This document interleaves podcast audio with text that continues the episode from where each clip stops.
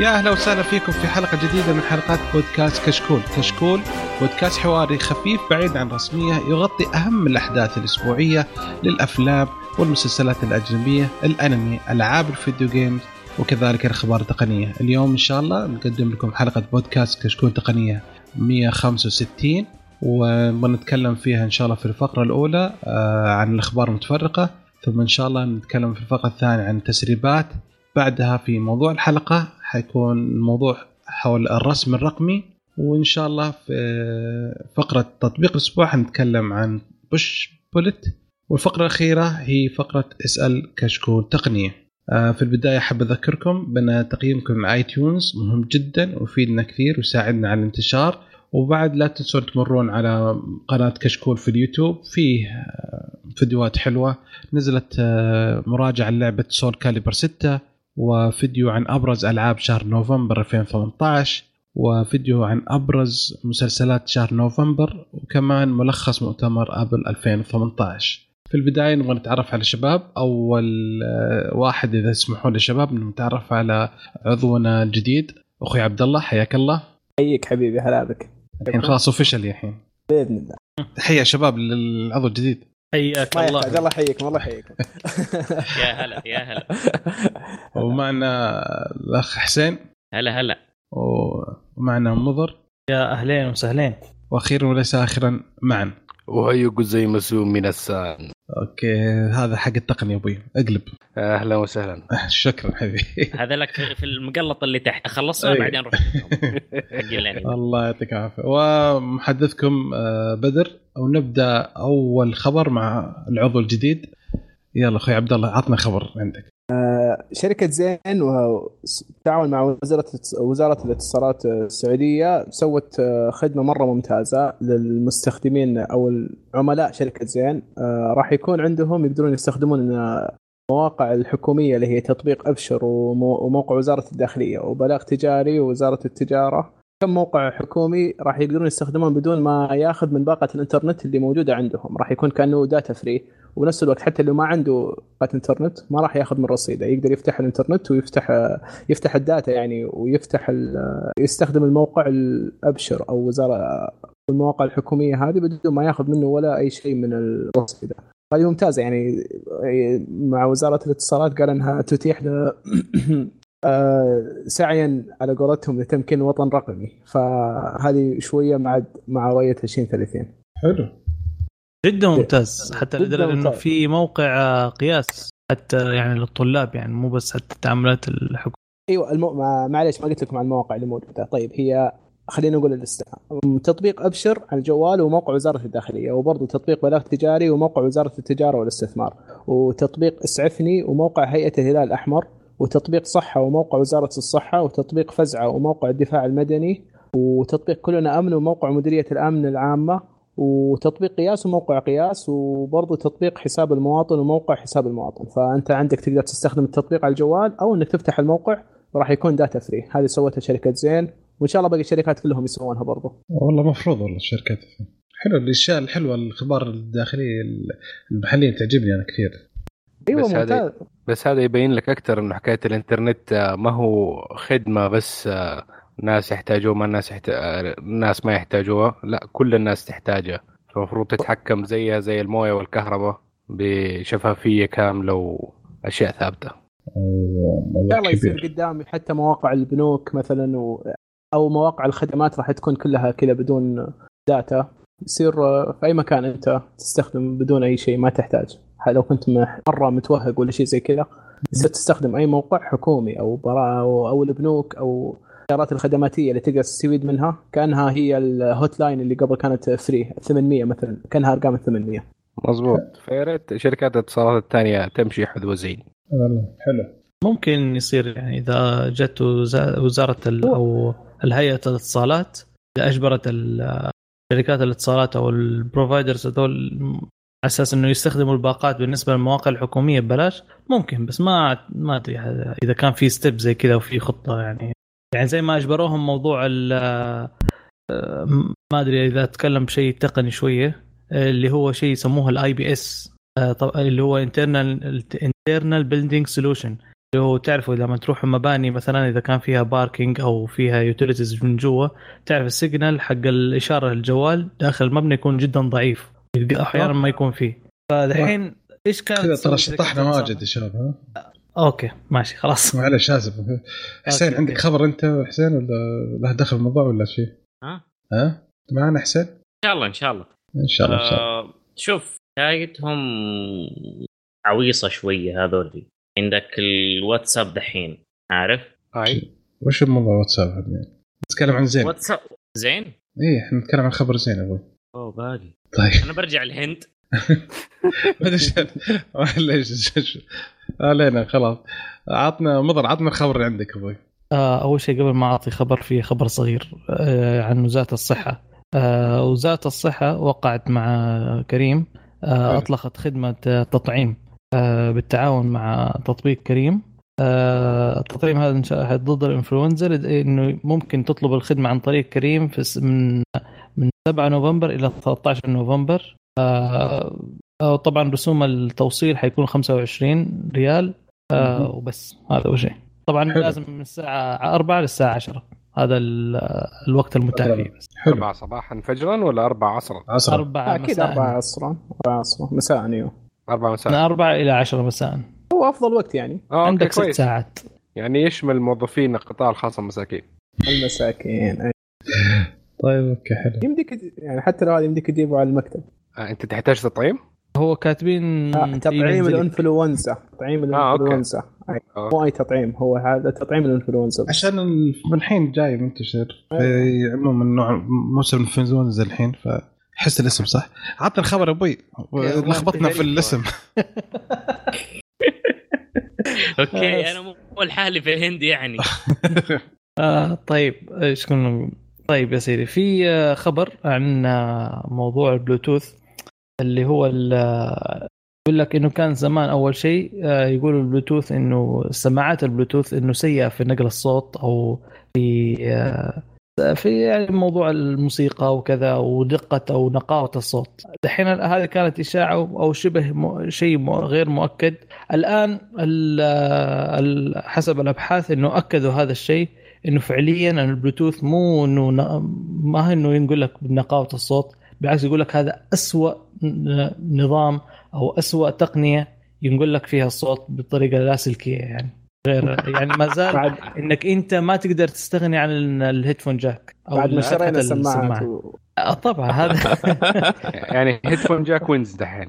ال headphone jack still wins يا. بعد ما شلناها بعد ما شلنا. آه، وبعد ما بعد إن الشركات بتشيل. بدنا نرجع والله هذا ما زالت يعني إنه آه، نفس الشيء لأنه حتى يقول لك في بعض ال frequencies ويعني طريقة البرمجة حقت البلوتوث يختلف حتى من Bluetooth ل Bluetooth نفسه.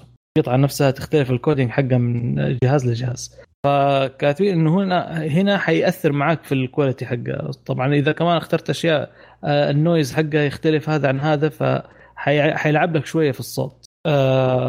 حتى يقول لك إنه ممكن ممكن يأثر التر... يعني التردد هذا يقول لك ممكن تأثر على الأعمار. يعني كيف تأثر على الأعمار؟ بحيث إنه تسمع آه، نقاء ال- ما يمديك تد- تدقق في أشياء معينة إلا عن طريق السماعات السلكية. عرفت كيف؟ بس هذه. ما حأدخل أكثر من كذا. okay. يعني لازم نرجع مرة ثانية لل... نشتري dongles ونشبك سماعاتنا. لا بدون دونجل. نطالب الشركات إنهم يحطوا 3.5 ملم ثاني بلا شغل النحافة بلا نيلة. كبر البطارية.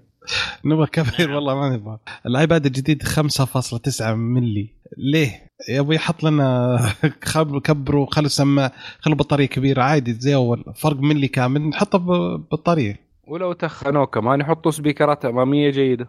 يا سلام. حلو. طيب ما دامك أنت زعلان وحالتك حالة كذا عطني الخبر اللي عندك. خبري محزن شوية.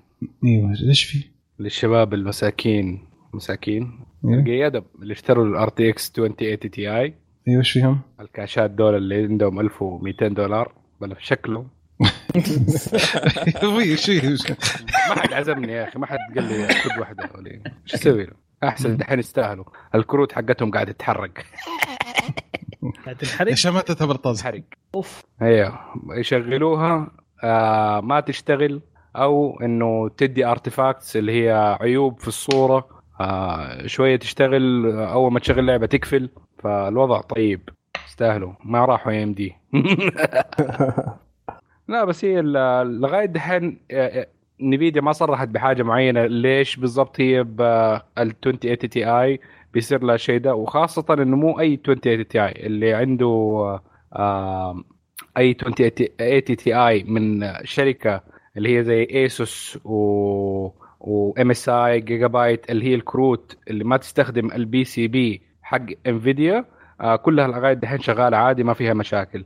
المشكلة بس الكروت اللي جاية directly من Nvidia اللي بالشكل ال- ال stock حقهم اللي هو مروحتين الجديد ده. آه يقال إنه احتمال ال VRAM في مشكلة إنه ما بتبرد فال pads اللي اشتروها Nvidia قصيرة فما بتوصل لل V آه VRAM ولا وال وال power regulators حقته فبتسخن من يوم ما تشغل الجهاز فأول ما تبدأ المفروض يجيك Windows ما تشتغل. فهذا احتمالية بس لسه ما هي مؤكدة. و Nvidia بدأت تستبدل الكروت أي واحد واجهه مشكلة على طول بدأت ترسل لهم كروت جديدة. الطامة الكبيرة إنه حتى الكروت الجديده اللي بعضها أرسلت لهم هي برضه ما اشتغلت. فالوضع جميل جدا. فالله يعينهم مساكين دول. الله يعطيك العافية. آه على موضوع الله يعينهم شكلا كلنا الحين نصير الله يعيننا. عند خبر حق حسين. إيه يا رجل شيء يقرف بالله. آه، الواتساب حيصير فيه إعلانات. يعني نو. إعلانات تويتر إعلانات الإنستغرام إعلانات ال- السناب شات هذه كومة مصيبة لحالها. إعلانات في الواتساب؟ ألطم؟ يعني قبل ما تقرأ الرسالة يجيك دعاية. استنى الدعاية كذا لما تخلص رساله كيف بيحطونها طيب؟ كيف بتكون آه، شكل الإعلانات؟ يطلع في نص المحادثة ولا كيف؟ هل هي بنر ولا شيء زي مستحيل بنر ما أعتقد تكون بنر. يعني شيء نظام قديم آه. هذا البنر صح؟ آه، يسوي لك ما- هي تريك يعني يسوي لك هي تريك كده أنت تحسب إنها صورة مرسل لك هي أحد ويقول أوه شكلها حلو تفك إعلان كده آه، تقول ضيع. ال data وهذا لا يمكن أو يمكن أو لما تجي تضغط تسوي download على ما يسوي download لل media ولا الصورة ولا الفيديو يعطيك دعاية. شيء يقول لك مع إنه يمكن يحطونها في ال state هذه اللي سووها أخذوا حقت آه، نفس سناب شات اللي سووها هم اللي آه. اسمها state يمكن يحطونها هناك يصير لما تتنقل ما بينهم يطلع لك أو يخلونها فيها. هذا اللي أنا سمعته صراحة حكايه إنها حتكون في state status مم. بس هذه بداية. ما هي هذه ممكن تجيك بعدين زي كذا. ما دام إنه شركة بعدين surprise من شركات فيسبوك مشتريته مهم. فممكن بعد شوية كده تلاقي يقول لك هل زرت فيسبوك مؤخرا؟ هل شفت مدري مين أصدقائك اللي أنت ما أنت شايفهم؟ أرسل الآن تقول ما أدري ما, أبغى إلا على شركات فيسبوك زي الإنستغرام مثلا يعني أنا أشوف إن الدعايات الإنستغرام لطيفة ما أشوفها مزعجة بصراحة. بالنسبة لي أنا تد- تدري ليش. مزعجة؟ لما تحس تحس أحيانا ما, ما يعطيك آه، ملحوظة إنها إعلان تحس إنك ضايف هذا الشخص لا. تصير. مكتوب عليها انها اعلان طيب فوق. لا لا بعض. الأحيان تصير. بعض الأحيان تصير إنه ما تجي ما هي بإعلان. لما ترفعه وترجعه مرة ثانية يكتب لك عليه إنه إعلان أو انتقل للصفحة ما المعلنه انت ما انتبهت لها. بس أقول لك بشكل عام أنا بالنسبة لي أشوف إنها لطيفة دعايات الانستغرام. لكن آه، يمكن عشان أنا ماخذ concept الانستغرام إنه مو زي يعني تويتر أنا بصراحة أتنرفز منها دعايات بالذات إنه أي واحد يقدر يسوي promoted حق دعا حق تغريدته. امم صح. فهمتني كيف؟ هذه تنرفز صراحة. بس بس واخبار هبلة؟ وايوه تجي لك زي ما قلت؟ كذا. بس يا هو أنتوا لا تنسوا قلت لكم فيسبوك هي اللي مشترية واتساب فحتجيكم إعلانات شبه حقت الفيسبوك. يجيك إيه. إعلان آه، بدر آه، حصل على رقم جديد في هجوم العمالقة. هل تستطيع تستخدم رقمك؟ فيسبوك الين اصبر شوي كيف رقم هجوم العمالقة؟ score جديد score. جديد. أيوه معا والله أنت اليوم سويت دوره عامه ألعاب على أنمي على كل شيء الرجال. يجهز أيوة، سيرته الذاتية. للجروبات الثانية ها؟ نعمل لهم دعاية يا أخي حرام يا أخي. أو هم يجوا حقونهم عندنا. يعني. يعطيك العافية حبيبي شاكرين لك. okay في جوال شباب اسمه Nubia X من شركة ZTE. الجوال فيه 6.2 انش آه، الكاميرتين آه، واحدة 16 وواحدة 42 آه، عدد الرامات 6 جيجا عدد الذاكرة الداخلية 64 جيجا البطارية 3008 3800 ملي امبير آه، ميزة الجهاز هذا إن الشاشة الأمامية كاملة ما فيها ولا شيء. ظهر الجهاز في شاشة ثانية تشتغل لما آه، تشغل آه، الكاميرتين اللي هي خلفيتين. فتبغى تسوي سيلفي تقلب الجهاز على الكاميرا الخلفية وتطلع تشتغل الشاشة اللي في الظهر وتوريك شكلك وش طالع. فتصور سيلفي أو تصور إذا صورت ككاميرا عادية فتختفي ما تطفي الشاشة الخلفية. إيش رأيكم في الحركة هذه كذا؟ يصير ما في notch ولا كاميرا في أمام ولا شيء. الكاميرتين الورانيات هي اللي تشتغل أساسا. وصل الرابع طيب الشاشه اللي ورا تكون نفس الشاشه اللي قدام من ناحيه الوضوح كذا ولا تختلف؟ لا أقل شوية وضوحها. إيش هدفها وقت مواصفات برضه ولا؟ LCD أي LCD مش الأمامية آه، أعتقد إنها شو اسمه ما كتبوا بالخبر وش شكل الشا... وش نوعية ال... ال... الشاشة. بس فيها كل شيء الحساسات كلها موجودة في الخلف. آه، في حساس البصمة وفي آه، شو اسمه ال proximity sensor accelerometer ambient light كل شيء موجود بالخلف. يعني شيء الامام بس ما في إلا بس شاشة وسماعة فوق. سماعه نحيفه في الحافة بعد. واجهه الجوال كلها شاشة كل أي نعم. okay. ف أنت إيش رأيك؟ شيء كويس؟ تقدم إلى الأمام؟ والله الحركة صراحة تعرف الك... الك... بالعادة الكاميرا ال- بأول كانت الكاميرا الخلفية أفضل من الكاميرا الأمامية. فكنا بالعادة نصور نلف نصور بعدين نرجع عشان نصور سيلفي فالحين ريحونا بدل ثلاث كاميرات ولا خمس كاميرات ثلاثة ثنتين قدام وثلاثة ورا خلاص خلوا واحد ورا وريح مخك. بس هي ممكن جابوها شاشة كمان من الجهة الثانية عشان حكايه لو إنك بت- بتكلم أحد فيديو فعشان كذا لازم تشوفه. لأنه إذا كانت على فكرة إنك تشوف نفسك وأنت بتصور سوني حلوها من أول بحكاية إنهم خلوا ال- الجزء الخلفي من الجوال آه زي المراية. لماع، تشوف. وشك وأنت بتصور. اي بس لو سويت سيلفي من بعيد آه، مرايه شوية بعيدة. اي نعم. أهم شيء تعرف من متى مو. سوني تعرف مو سوني اللي قبلها ال i-mate اللي يفتكروا آه، ال i-mate حلو. كانوا في كذا في قزازة صغيرة أو شيء كذا من الكروم. أيوه صحيح زي صحيح. المرايه اللي بيصور شوف selfie- نفسك. فيها. ترى سيلفي من هذا هذا كان بديل فلاش هذا كان. إيه. عاكس للضوء. حلو شباب. آه عبد الله؟ اعطينا خبر عن آه، آه، جوال كنت أبغى أشتريه بس الله يهدي بعض الناس. أنا خرب عليك. ترى ما عليك من أي أحد الحين. OnePlus OnePlus الحلاوة. OnePlus أعلنت عن جهازها سي OnePlus 6T في مؤتمرها اللي كان في أمريكا 20 أكتوبر. طيب وش مواصفات الجهاز؟ مواصفات الجهاز. الشاشة راح تكون آه، آه، AMOLED 6.4 Full HD 1080 Full HD Plus 1080 في 2340 راح يكون المعالج الجهاز Snapdragon 845 والجهاز يجي بذاكرتين داخلية 128 و 256 وبالنسبة حق الرام راح يجي برضو بمعالج آه، ذاكرتين رام اللي هي 6 و8 جيجا. آه، 8 جيجا ما يجي في يجي في ال 128 و 256 ما عندك مشكلة. بس الستة ما راح يجي إلا في الأقل واحد اللي هو 128 والبطارية رفعوها زي ما توقعنا وكانت التسريبات تقول كذا صارت بطارية 3700 ملي أمبير. وعاده عوايد يعني OnePlus بطاريتها 3400 وكان الجوال يجلس خمس إلى ست ساعات time on screen والحين آه، في بعض المراجعات كانت آه، توصل عندهم البطارية لمن تقريبا ست ساعات إلى سبع ساعات في الاستخدام العادي. وبالنسبة حق الأسعار الأسعار طبعا آه، سوق dot com موقعه مع OnePlus إنها تكون هي الوكيل الرسمي ولسه الجهاز ما بعد يوصل ما بعد ينزل عندنا في سوق في السعودية بس آه، في الإمارات أعلنوا عنه وموجود في متجر الإمارات سوق dot com. آه، الجهاز يبدأ من 2249 حق نسخة آه، 6 جيجا و128 جيجا الذاكرة الداخلية. طبعا أكيد يجي بشريحتين. آه، زي عوايد آه، أجهزة آه، الأجهزة الحالية الحين وشريحة أو أو ذاكرة داخلية نفس ال concept اللي موجود عند أغلب الأجهزة. الكاميرا ما غيروا فيها كثير الكاميرا 20 ميجا بكسل آه، نفس اللي كانت على ال OnePlus 6 لكن OnePlus قالت إنها حسنوا من ناحية ال software و... بس في المراجعات كان الكل يقول ما كان في تحسن كثير بالكاميرا وهذه عوايدهم يعني. ما عندهم big ما عندهم تطور كبير بالكاميرا وبس. حلو. واسطات هذول سوق dot com شغالين واسطات بس مع الإمارات. بيوصل بيوصل. لا تخاف. عطى أسبوعين إلى شهر وبيوصل. إن شاء الله. بس السعر كويس يعني كويس. انهم إنهم يع- معطينا نفس السعر الرسمي تقريبا. هذا شيء ممتاز. تقريبا هل هذا ممكن أرخص جهاز يمديك تشتريه عليه ال 845 Snapdragon آه، أعتقد. يا أعتقد تقريبا إيوه. اي هذا هو اخر شيء. نعم. يعني ينصح لل gamers صح للكل أنا أشوف. صحيح نعم. ما عدا اللي يحب التصوير. آه يعني. عنده الكاميرا أهم شيء لا ي... ما أنصح.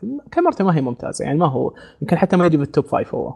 بس يقول لك يعني okay بالنسبة بالنسبة لواحد زيي أنا عندي أي مشكلة. كاميرته ممتازة يعني هي زي ما تقول آه، بس ما هي super camera زي باقي الأجهزة. ما تقدر تقارنها بج- بكاميرا هواوي ولا Apple ولا سامسونج ولا جوجل طبعا. حلو. فإذا كنت تبغى جوال عشان كاميرا لا تتجه للجهاز. لكن إذا كنت تبغى الجهاز علشان وما تهمك الكاميرا يعني يمكن رقم ثلاثة أربعة زي ما قلنا آه، في الحلقة اللي قبل الماضية.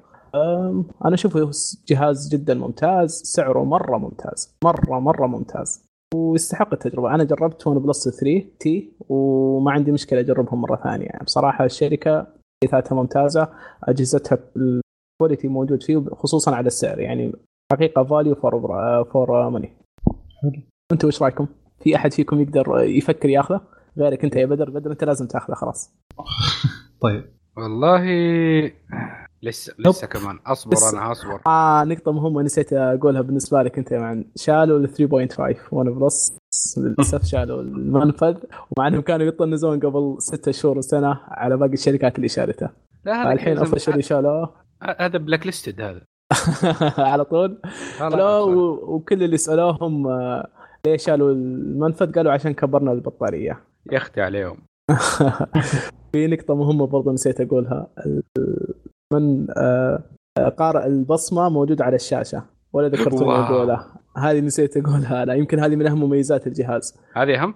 بالنسبة حق الترند الحين أتوقع أيوه. يعني زي ما تقول هو هو أشوفه هذا بدل ما في بيسوقون عليه. فهمتني كيف؟ بدل ما يخلونها بالخلف خلوها في الشاشة من أمام وداخل الشاشة. بس مو نفس التكنولوجيا اللي بتسويها سامسونج اللي قلنا عنها السونيك آه، اللي جربوها يقولونها ممتازة تفتح بسرعة ما تغلط كثير لكن مو زي ال- البصمة العادية. يا رجل أنا أحط كود 14 رقم وحرف وحرف كبير وحرف صغير آه، أهم شيء بس يشيلوا بصمة ما عندي ما فرقت معايا بس لا يشيلوا 3.5 أهم شيء 3.5 يمكن بالنسبة لك أنت أنت بالنسبة لك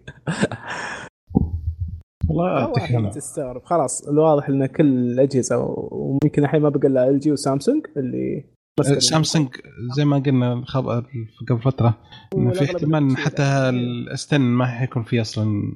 الاغلب أيوه راح تشيله. خلاص. شباب نسوي شركة نسوي جوالات. أيوه. وفيها وفيها ومين بيشتري منه بعدين. أنت بس اللي بتشتري اثنين. والله ما عندي مشكلة. الله يعطيك العافية. أوكي حبيبي. خلاص آه مضر أبوي. تعطينا Windows 10 سوت آه، آه، تحديث أو upgrade جديد لل Windows 10 آه، ال- صار في شيء أو, أو نعرف إن ال- ال Windows يجي دائما معاه ال antivirus اللي هو ال Defender فدحين أضافوا عليه شيء upgrade شيء يسموها sandbox طبعا sandbox اللي هو زي ما أعرف إيش ترجمة يعني box الرمل أو صندوق الرمل. آه هذه جماعة ال security يعرفوها هذا التطبيق آه، يعزل كل ال- الخواص حق الأجهزة آه، عن إذا كان في ضرر شيء معين فيعزل الجهاز كله عن هذا ال- الضرر. عرفت كيف؟ فدحين آم، عادة تكون تطبيق لحاله خارج عن الجهاز أو جهاز ثاني حسب ما فهمت من ال security لكن آه، دحين Windows أضافتها في كميزة sandbox mode حطوها في نفس الجهاز بحيث إنه لو استشعر إنه في مشكلة أو ضرر في الجهاز أو فيروس أو شيء زي كذا يقوم على طول يقفل على ال- شو اسمه يقفل على المكان هذا ويعزله تماما إلى إنك أنت تتخذ الإجراء إنه تمسحه أو آه، تقفله. طبعا آه، نوعا ما أنا ما أعرف لسه ما شفنا الميزة هذه هم أعلنوا عنها بس إلى الآن ما يعني ناس كتبت عنها وإيش اللي إيش يصير فيها. لكن آه، في الميزة هذه قدم Google Chrome استخدموها في 2008 آه، وما زالت أعتقد مستخدمة. ما في تقريبا اللي نعرفه إحنا دائما المايكرو طبعا هي الفكرة ما هي جديدة لأنه في بعض ال antivirus الجديدة ال- سواء ال Symantec أو ال Kaspersky أو هذه برضو تعرض الأشياء ال sand ال sandbox mode.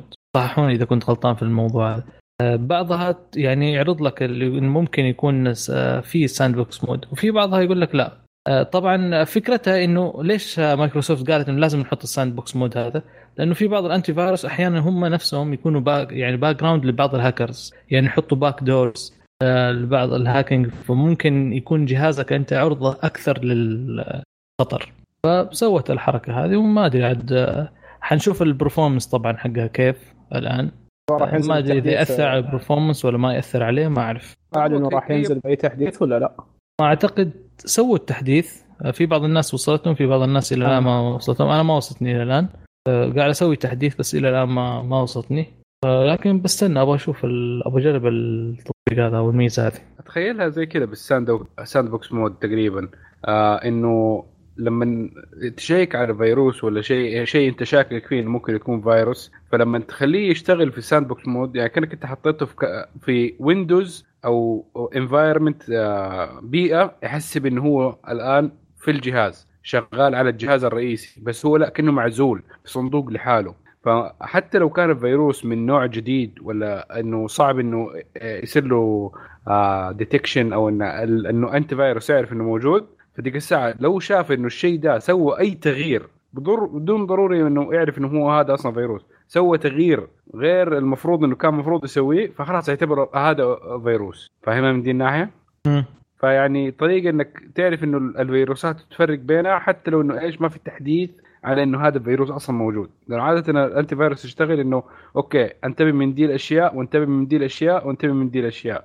فلو شاف دي الأشياء حيقفل لك هي وإنه يمسح لك الفيروس أو يقفطه لو.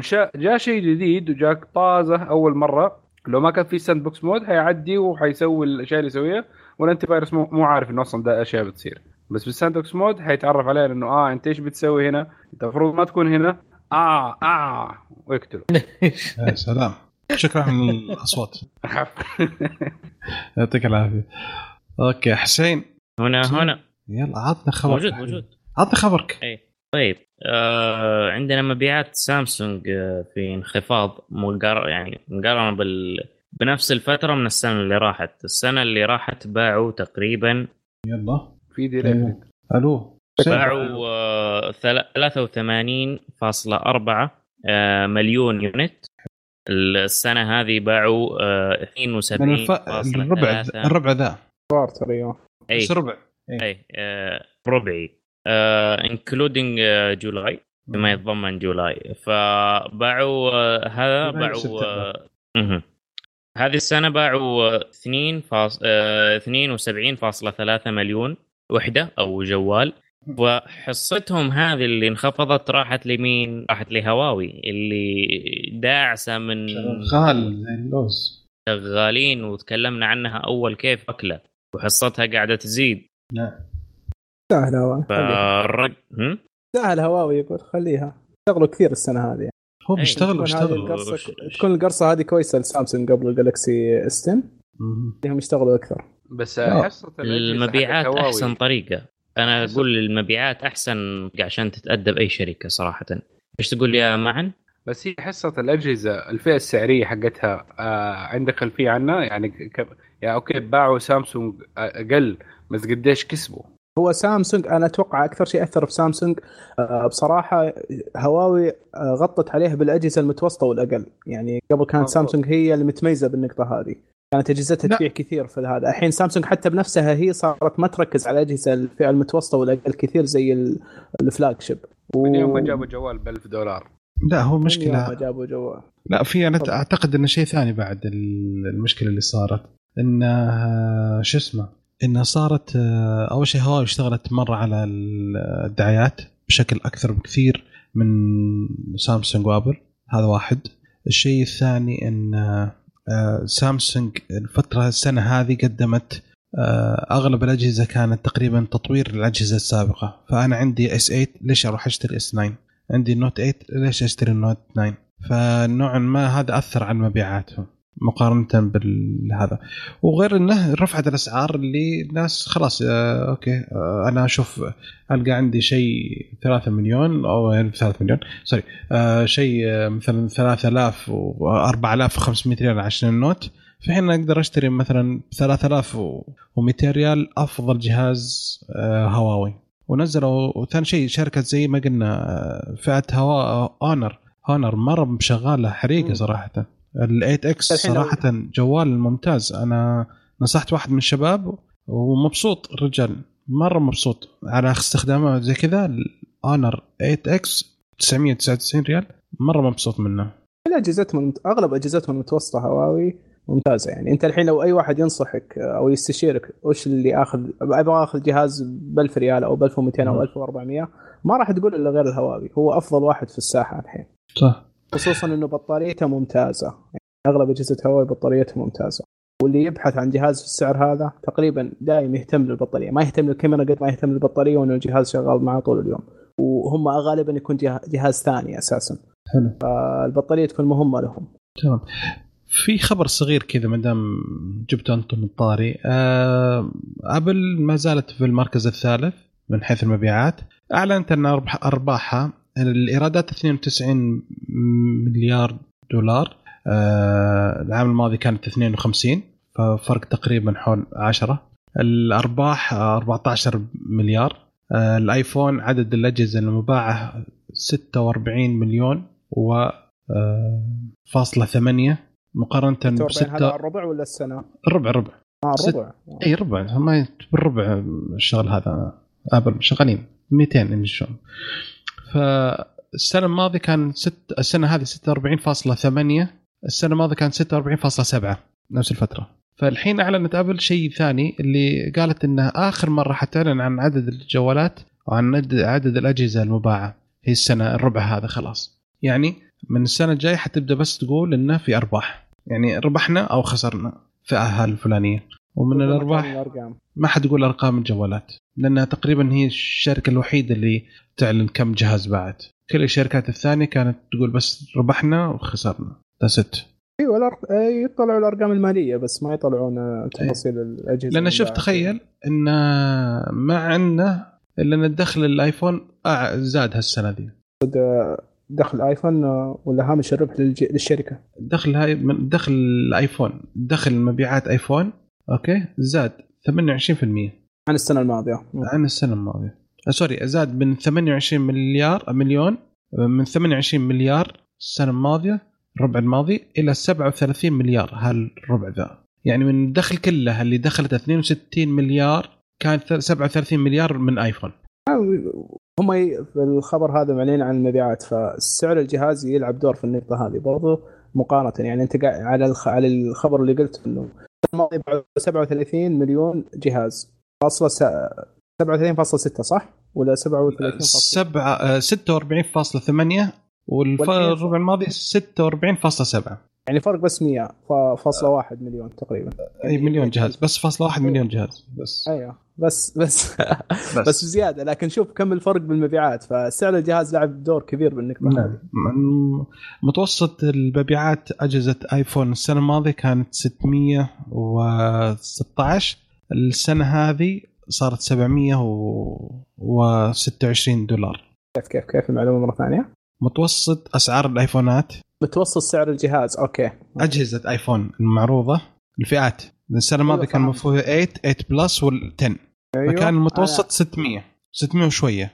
السنة هذه الحين ما فيها فيه ال 10 S وال10 S Max و10 R فمتوسط أسعارهم 700 وشوية. فهمتك فهمتك أنا في البداية على بالي كنت تقول إنه متوسط بيع فهذا اللي آه إيه. بيعتك حتى أنا أيوة. فهمت إيه، متوسط أيوه بيع. عشان كذا متوسط سعر الآيفونات اللي مباع الحين فهمت معروضة الصف، للبيع. كلها في البداية فهمت متوسط بيع إيه، فنقز السعر تخيل ما عليهم خوف ما عليهم خوف لا وزيادة على كذا نسبة الخدمات زادت آه، 17% وصارت 10 مليار اللي هذا. حتى فكرة إن في إخبار هنا قوية جدا إن آه، خدمة التلفزيون الخاصة حقت آبل حتصير مجانية على أجهزة آه، آبل كلها. يعني حتجي قنوات وبرامج وكل شيء مجاني. ما بدون ما تدفع شيء. على ال Apple TV نفسه. على Apple TV أو على آيفون على آيباد تفرج. يقول لك مثلا نزلنا إحنا مسلسلنا جديد في مسلسل جديد الحين آه، جينيفر انستون وويذرسبون وهذيك ما أدري شو اسمها الأولاني. وش اسمه؟ البطل حق The Office شو اسمه؟ كورال؟ ستيف كورال؟ كورال. ستيف أي. كورال أيوه. فكلهم حيسوون مسلسل حيعرض على أبل حيعرض مجاني على أجهزة أبل. ب iTunes على طول تفتح ال iTunes وتشوفه. وتفرج على أتوقع يعني حتى اللي عنده Windows يقدر يستخدم أو يحمل iTunes ويقدر يوصل لها. لا يمكن يسوون حركة. إيه، يمكن يسوون حركة يقفلون على صح يمكن. على iTunes. صح يمكن أوكي. مع نفسكم. ما نبغى نشوف المسلسل صح ولا لا يا ولد؟ أوف، ما نشوف. أساسا المسلسل بايخ طيب بما انك بما إنك زعلان يا معن عطنا الخبر اللي عندك يلا. آه حق أنت. طيب زي ما أنتم عارفين Intel شركة عملاقة التي قامت AMD بالتغلب عليها في الفترة الماضية و...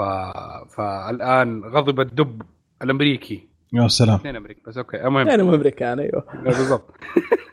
فمنزلين processor جبار جديد 48 core. واو. ما شاء الله. واو إيش بيسوون فيه؟ في مشكلة سيرفرات. كمان. ها؟ أي صح السيرفرات صح. أيوه ل- آه، Xeon chip؟ فحيكون للسيرفرات 48 core على single die عكس AMD إنها تحطها على تقريبا أربع دايات فمفرقتها. وفي ال- ال fabric ما ادري شكله حقهم ده المهم فحيكون برضو على ال 14 نانو- نانومتر فنفس process آه، 14 plus plus plus الجديد. ده مو مرة جديد بس المهم الجديد. ف يعني الأشياء الميزات الثانية حيكون يدعم 12 ال 12 channel RAM انت دحين الكمبيوتر العادي حقك يدعم dual channel memory كمبيوتر آه، زي كمبيوتر مضر اللي هو ال- ال Extreme يدعم 4 channel memory هذا 12 channel memory فيقدر يشيل آه، تقريبا أظن 1 tera RAM؟ ما 12 tera RAM واو. 12 يا tera. RAM 12 وش بيسوي؟ tera RAM. 12 يعني هو ال- اللي قلته إنه. معناته كم كم من كم كم منفذ آه، RAM يدعم ولا كيف؟ اللي هو ال channel channel كم منفذ حيكون اللي هو آه، أحسبها أظن ولا ما له دخل في الموضوع بال channel لا لا،. ما له عد- ما له ما له لا. علاقة ما له علاقة أوكي بس هو ال maximum حقه ال theoretical حيكون 12 tera 12 tera RAM يعني ما أعتقد انها 12 فتحة يعني يعني يمديك تحط ال Windows في ال RAM يا ساتر ال Windows بكبره في ال RAM. إيش Windows يا رجل؟ تحط 20 system مو كمبيوتري كله. هنا في ال RAM. يا ساتر ربي. والله يا شيخ. طلع الم... بسم الله عليك. شيء شيء شيء طلع المايك مع الحامل حقه مع ال stand في يدي. طلع من الدولاب. ليش يا أبوي الحماس هذا كله؟ يا شيخ آه، من 12 آه، تيرا.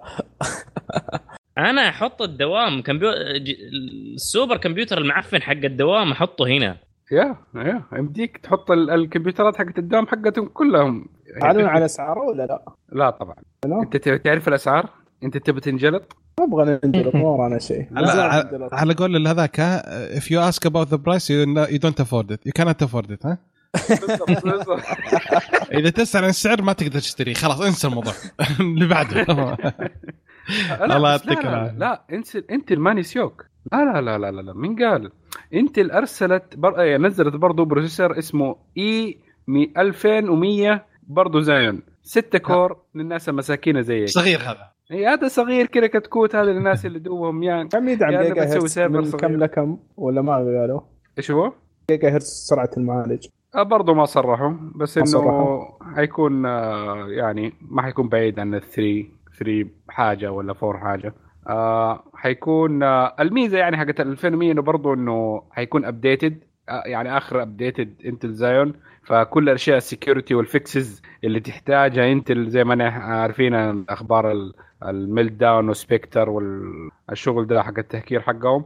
ففي أشياء security تعالج المواضيع دي. ف يعني إذا واحد بيبدا آه، ب processor جديد وما بيتجنب ال- الثغرات اللي كانت موجودة أول أحسن ياخذ ال 2100 جديد. آه، طبعا آه، حيكون آه، في هرجه برضو آه، إيوه أنت صرحت إنه ال processor 48 core. حيكون 3.4 مرات أقوى من AMD EPYC اللي هي المنافس ل Intel. فأنا أقول بالله. يعني صح إنه 48 core بس إنه في النهاية ال AMD كانت 32 core أعلى واحد من EPYC اللي موجود حاليا. فصعبه شوية إنه خاصة بعد آخر تأليفة حقتهم مع processor ال 9900 امم مشكوك في أمر القياسات حقتكم. خلاص ما حد صار يصدقكم. إيه هذا مصيبة. الله يعطيك العافية حبيبي. آه في خبر عندي عن بما انه في دائما أخبار كثيرة جاية إن سامسونج حتعلن عن آه، هاتف منثني وهاتف ينثني وزي كذا. فقبل آه، تقريبا آه، يومين في شركة اسمها Royole آه، في سان فرانسيسكو سووا حفل وعرضوا جهازهم جه اسمه يسمونه FlexPai. هذا طال عمرك FlexPai هو شاشة تابلت حجم 7.8 تقدر تثنيها بالنص ويصير زي الجوال من جهة واحدة. مواصفات الجهاز آه حتكون تقريبا 128 جيجا بايت ذاكرة داخلية آه 8 جيجا بايت آه ذاكرة آه 8 جيجا بايت آه RAM معالج حيكون معالج Snapdragon جديد أغلب الظن إنه حيكون ال آه، خمس آه، 850 آه، بسرعة 2.5 2.8 جيجا هرتز 8 8 أنوية. البطارية 3800 ملي امبير آه، وقالوا حيبدون يشتغلون عليه قريب إن شاء الله. بس انه أعلنوا عنه وحيكون تمام. سعره تقريبا آه، 1300 دولار. okay؟ عشان تقنية جديدة فلازم أيوه لازم أيوه فعالة يعني. أي وحيصير هم في نظام آه، أندرويد 9 حيكون عليه آه، skin خاص في الشركة اسمه Water OS حلو الكلام. والشاشة أو AMOLED ديسبلاي وأن الشاشة تقدر تنثني ل 200 ألف مرة.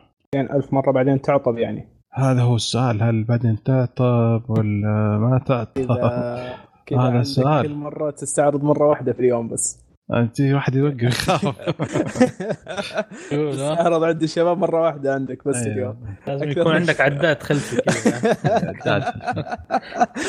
على سالفة آه، ترى سامسونج ترى المؤتمر حقهم شغال الحين أعتقد. آه، ما أدري وقف ولا خلص. ترى أعلنوا عن آه، هاتف حقهم. ما أعلنوا عنه. تكلموا إنه شو اسمه شاشة خاصة. هي طوروها جديدة. واسمها Infinity Flex Display ورانا demo بسيط لها. الشاشة لما تنفتح حسين سماها. هاتف المحفظة. تنفتح بال تصفطها بالنص وتصير تت- تشتغل شاشة خلفية. عكس اللي تو زي الجهاز. زي المحفظة بس إنه تصفط الشاشة على النص على وجهها نفسها فتتقفل الشاشة الداخلية الكبيرة.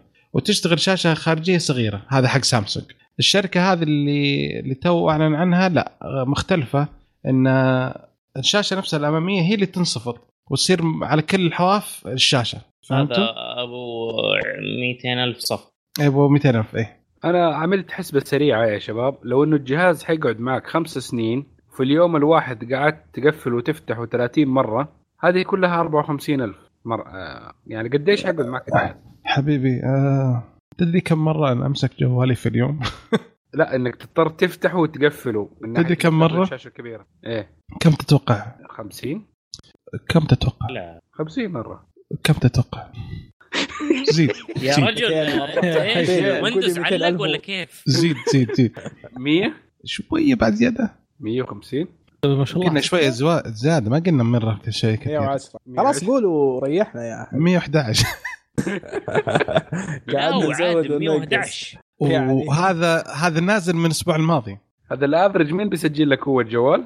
اي أما بالله. اي هذا ال iOS الجديد يعطيك ال الاستخدام كم مرة فتحت كم مرة. طب إيوه كم مرة فتحت؟ أوه. كم منها؟ لو إنه عندك بدري؟ كم مرة حتفتحه كله؟ يعني قل خمس قل لا لو تقول 10 مرات في اليوم كفايه تفتحه صح؟ أنا يعني, حطيت 2000 30 هم كم يعني تشتغل على الشاشة الخارجية بس أنت برا. يعني الشغل سريع واتساب مدري شكله على السريع ب- ما حتتفرج فيديو ولا إنك حتسوي multitasking ومدري شكله. أكيد حت... حيكون okay كثير. بس أديتها الثلث حق ال 110 حقك. آه إنها حتكون حتفتحها على الشاشة الكبيرة وهذا ما برضو figure ما هو واقعي. برضو حلو. 54 ألف مرة آه حتنفتح وتنقفل الشاشة خلال خمس سنين من يوم ما أنت اشتريته. حلو كويس ما حيقعد معك خمس سنين؟ مستحيل. تمام.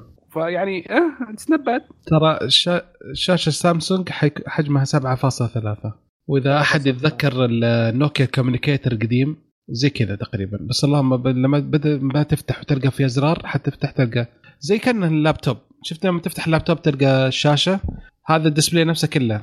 تقفل اللابتوب تلقى فوق في شاشة. هذا الجهاز حق آه، سامسونج. أعتقد إنه وضحت كذا. بما إنك جبت سيرة نوكيا والناس فاكرة كيف كانت إنه كل ما يطلع جوال نوكيا قديم أيام زمان كانوا يدوا له اسم. خلينا نتفق كل الجوالات اللي من من ذا النوع نسميها إيش؟ محفظة. مطبق مطبق ازين من المحفظة صراحة حسين آسف. الجوال مطبق خلاص. أهنيك. يا أخي آه. جانب الأكل يفوز دايم. أي والله أي والله. معا خصوصا هالوقت معا معك. آه، جوال مطبق تريد مارك على طول. تك. يا بيبي. لا. تي إم. أوكي خلاص أجل آه، عبد الله عندك خبر يا أبوي؟ أيوه عندي شركة شاومي. شركة أيوة. شاومي أعلنت عن سماعات آه، اسمها AirDots لاسلكيه تقريبا شكلها قريب من سماعات AirPods حقت ابل وتجي pack نفس الفكرة بالضبط. تشحنها وتشحن السماعات وال pack يشحن أو المحفظة تشحن السماعات. ال casing آه، حقه طبعا الس- أيوه ال casing. آه، مع سعر جدا رهيب. سعر 29 دولار فقط. يا رجل سماعه بلوتوث ب 29 دولار فقط بلوتوث. وش بعد جديد ولا قديم بلوتوث؟ والممتاز كيف؟ أي بلوتوث 4 ولا 5 لا, لا أيوه لا تدعم بلوتوث آه، 5 5.0 بعد. أوه تمام جدا ممتازة آه، من شكل السماعة من برا سيليكون آه، وفي الطرف سماعة آه، وتدعم عزل الضوضاء خفيف يعني ما هو بكبير. بس برضو على السعر هذا انت إيه. لو لو حق مكالمات بس لو صوت المايك فيها جدا ممتاز المكالمات أتوقع فيك وغطت سعرها. بس والله حلو والله هذا واحد يشتري حتى لو ما يبغى يستخدم. على 30 دولار. أول ما تنزل بسوق نشتريها ونجربها خلاص إن شاء الله. أريد إن واحد أحد. أيوه بس كذا يصير السعر حقت حقت أبل مرة يصير غالي. هي من 600 زمان. ريال الحين على موضوع أبل مضر عندك خبر عن أبل؟ والله أبل في التحديث الجديد آه، ضافوا ميزة اللي هو آه، هو ال performance throttling أيوه اللي هو آه، تخفيف الأداء. تخفيف الأداء أو بدل ما يعملوا ال limitation أو أو زي ما صار في ال iOS القديم في ال 11. 11 فضايح. آه، في ال iOS 11 بشكل عام. آه، صارت الأجهزة القديمة مشكلة موضوع ال limitation أو تستخدم نص ميزة الجهاز عشان موضوع البطارية تكون في آه، آه، تساوي بين البطارية وبين استخدام النظام. فالآن آه، طبعا صارت المشكلة هذه اللي راح قبل سبع شهور. الآن سووا نزلوا ميزة في المي في ال iOS 11.2 أو sorry 12.1 اللي تقدر تتحكم في في أداء يعني يعطيك مستوى أداء أعلى في الأجهزة القديمة. آه، إذا شاف في خطر على البطارية يقوم يقلل الأداء. بس تقدر. تقفلها أنت بنفسك يعني تقول أيوة، ما أيوة، أبغى صح. أبغى الأداء نعم. مستمر 24 ساعة ما تصفى البطارية. أيوه بس لا إذا كان لا إذا وصل لحد الخطر ترى يطلع من يدك. ما أقول له؟ هذا اللي فهمته أنا. لا هو أنا كلام أيوة، أنا سمعت إنه تاجل إذا وصل مرحلة تقدر تطفيه إذا صار تاجل يصير عادي إنه مثلا يوصل 20% ويطفى عليك الجهاز خلاص خلصت البطارية ما دخل فيك. آه أيوه أيوه أيوه بس أنا أقول لا إذا وصل خطر للبطارية نفسها يطفي الجهاز آه. يطفي براحته. اي اي يقول لك إذا وصل خطر للبطارية سواء في الحرارة ارتفاع درجة الحرارة على طول يقفل يقفل ال- يعمل آه، خنق لل ها- شو اسمه أو limitation لل CPU عشان ما يصير. المشكلة دي. بس. أو إنك أنت تتحكمها بنفسك آه، تعلي ال performance توطي البرفورمانس بس آه، هذه فهي تعتبر ميزة؟ ميزة. ميزة. هذه يسموها الشفافيه ولكن بعد ما الناس اشتكت. لاحظ لاحظ. عشان هذا عشان لا حد يشتكي. خذ. عشان نكون بس اسكتوا بدري دحين بعد ما بعت. الإكس ولا ريكس والإس تي لا لا لا لا لحظة لحظة آه. اسمع اسمع. في- في حاجة لازم تعرفوها. في بالنسبة للآي أو إس. أول شيء دحين هم كانوا بيتكلموا على الآيفون إكس وال8 وال8 بلس. آه أنا ما أعتبرها أول لما ي... لما أبل تعمل انونسمنت أو تعلن عن اي أو اس جديد ما تعلنها لل أو ما تعلن الميزات هذه للآيفون XR وال X هذه اللي إحنا شايفينها XS أنا ما فيها هذه بيعلنوها. اي إيه لأنها لسه ما نزلت فلازم يعلنوها على إيش؟ على الآيفون 8 فأنا مستغرب كيف يقولوا والله آيفون 8 وايفون 8 بلس هذه إنه تعتبر من الأجهزة القديمة أنا أبغى أشوف الأجهزة القديمة زي مثلا آيفون 7 آيفون 7 بلس وما قبل. هنا أنا أقول لك والله أشوف ال limitation إيش اللي سووه صح؟ مظبوط لا أنا أنا أتوقع إنهم بس كده حتكفطهم كده هم يورين لا هم يقول لك إلى ال- من الحين بدأ دخلنا على الشيء القديم خلاص نعتبر إن 10 والايفون 8 والايفون 8 بلس صارت أجهزة قديمة نبغى ننتبه لها ونحط لها الميزة هذه. وعلى القياس يقاس عليها ال7 قاس وال6 عليه من الان اي إي يعني نعم. خلاص. نعم. لأنه عنده الادفانسد more advanced hardware حلو. مهم. أوكي. يعني applicable إنك أنت تعمل limitation فيها أو control لها. طب السؤال هنا ده هل لو أنا عندي مثلا ال 5S أو ال 7 أو ال 6 لو غيرت له بطارية حيبدأ يشتغل طبيعي ولا لا؟ yes اي. أنا عن بس تجربه بطارية أصلية مو من عند أنا عن تجربة. آه. أيوة يا أخي كمان أنت لا لا لا يعني أنا أنصح بحقون iFixit أظن البطاريات اللي عندهم لا. ممتاز. كويسه أه بقول لك شيء. معلش يا مضر. أنا كان عندي ايفون 6 مم. بلس. أوكي؟ ولما نزل iOS 11 آه، الأداء كان مرة من من عدم. بعدين طلعت السالفة إنها البطارية ما البطارية زي كذا رحت غيرت البطارية ورجع الآيفون تحسن أداء كثير عن بعد التحديث. ما وصل زي أول ما اشتريت الجهاز ولكن تحسن. لأن iOS 11 سيء أساسا. أوكي؟ هذا عن بس تجربة أنت يعني. غيرت البطارية هنا ولا هنا؟ ما هنا واحد آه، سعودي شباب أعطاني بطارية 100 ريال من أحلى ما يمكن. والله أقول له شوف. أقول له هذه أصلية؟ قال لي أبوي ما في أصلية. ما في في السوق اصلي طبعا صح. لا حد يلعب عليك. ما في أصلي إلا عند إذا أبل. عند أبل. ما في. بس. بس هي يعني إذا أبل إذا يعني أنا عارف إنه هو- هم عندهم مشكلة وشوية عقدة حكاية إنهم إدوا القطع الغيار وهذه مشكلة يعني الشباب في أمريكا بيحاربوا عليها في آه، في الحكومة عندهم إنه حكاية إنه المفروض ابل إنها توفر القطع ال- بالتصليح للناس اللي تبى تصلح. فاظن موتورولا من أول الشركات اللي اتفقت مع iFixit بأنهم ادوا لهم كيف طريقة تغيير البطارية في اجهزه الموتورولا وادوهم البطاريات الأصلية لأجهزة مم. الموتورولا لأي أحد بيشتري من iFixit هو موتورولا certified زي كذا. موتورولا certified يا okay. آه، آه، حتى أنا كنت كذا بقول يعني ليش ما تسوي ابل مثلا؟ إنه maintenance certified زي ما هي مسوية هنا مثلا في لأنه هنا في السعودية لسه ما فتحوا فرع فعاملين إنه والله maintenance certified في السعودية اللي هي حاسبات العرب. القطع ما تعطيهم. هي س... آه، إنهم حتى هنا ما تعطي. certified supplier بس بس إنه برضه في limitations إنه ما حيقدر يبيع القطعة. يعني لازم الواحد يصلحها عندهم بالأسعار اللي هم فارضينها عليهم مثلا. ما, والله. يص... ما يصلح ما يصلح. يا شباب ما يصلح. أيوه حتى يصلح هذه المشكلة. أقول لك وش؟ يصلح ما يصلح. هذا أغلب ال- إذا كان في شيء هذا زي كذا قال بدل لك جهاز وخلصنا. إيه. يعني كتغيير البطاريه أنا بتكلم يعني تغيير حتى- بطارية في عندهم ظهر عندهم بروجرام حق تغيير بطارية بس إذا كان استدعاءات مستدعات زي كذا. صدقني يا فارس لا. في عندهم تغيير أنا بطارية أنا صارت معي هذه شخصيا. رفعت شكوى على الموضوع. عموما هذا الموضوع حيطول فيها. لا بس سؤال آه. هل عند لو رحت حاسبة العرب أقول أبغى اغير بطارية غير لي ما بطارية؟ يغيروا لك. لا هذا جوال الكلام جديد. أنا أقول لك ما عندي ما خبر ان إيه، ما عندهم. يغيرون إيه؟ أنا غيرتها في في دبي هي والشاشة. مم. مركز أبل نفسه. أوكي. آه. اوريت حلو. في حد عنده شيء شباب؟ خلص كذا. نعم. خلصنا الفقرة الأولى وحين ندخل الفقرة الثانية وهي فقرة التسريبات ومعنا معا يعطينا الخبر الأول.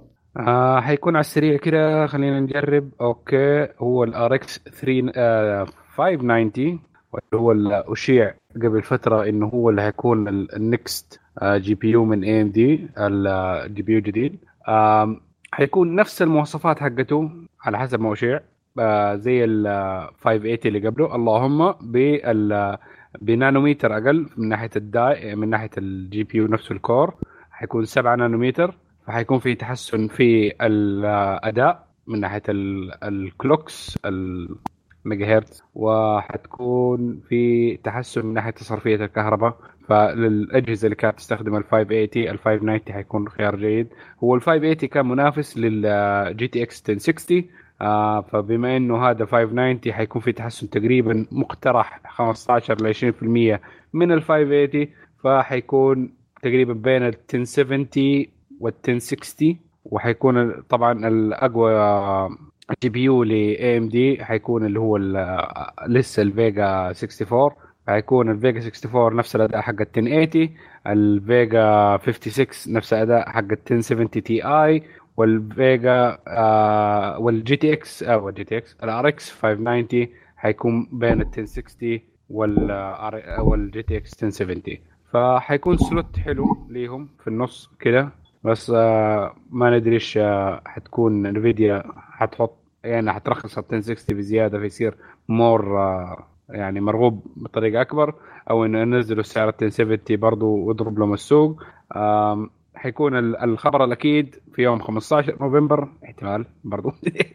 كل احتمالات بس إنه 15 نوفمبر أقرب event فاحتمال يعلنوه في ذاك الوقت. فخلينا نشوف وش اللي يحصل ونشوف ال- المراجعات حقته. okay. الله يعطيك شكرا حبيبي. الله يعافيك. طيب okay. ال- التسريبه الثانية حسين. آه عندنا ترى حنسحب اسمع حسين شد حيلك ترى. ترى كذا ترى عندنا عبد الله ترى جالس الحين جالس يسخن على الجنب وساعة. متحمس. متحمس ترى. حنخليه يبدا انتبه. اي أسحب منك خبر أعطيك ها، انتبه. شد حيلك. يلا عطنا خبر. يلا بسرعة. عندنا يلا بسرعة. طيب لا تاخرت تاخرت خلاص. تاخرت عطنا ديلي ديلي. يلا تفضل تفضل. امزح تفضل عبد الله. لا. يا عمي انت قل لي خبر معلش طيب عندنا التغريدة حق إيفن بيس أو إيفن بلاس. بلاس. بلاس. بلاس. ما ما, ما أدري كيف النطق حقتها فخلينا نقول إيفن بلاس. آه يقول for uh, Samsung but uh, do know uh, that LG plan to even uh, foldable? طب هو يتكلم بالعربي مو لازم. جوال. مو لازم. طيب أوكي. طيب أنا قلت تغريدته عشان بعدين نحش. لا خل ن- ندخل عادي لا مشكله قل بدي لك بالعربي. الاكرسي اعمل لك كوتيشن كذا فاهم؟ عشان جريمة. ما شفنا ما شفنا حقت الاير كوتس اللي سواها بيدينا. معليش. سوي آه. بس قل.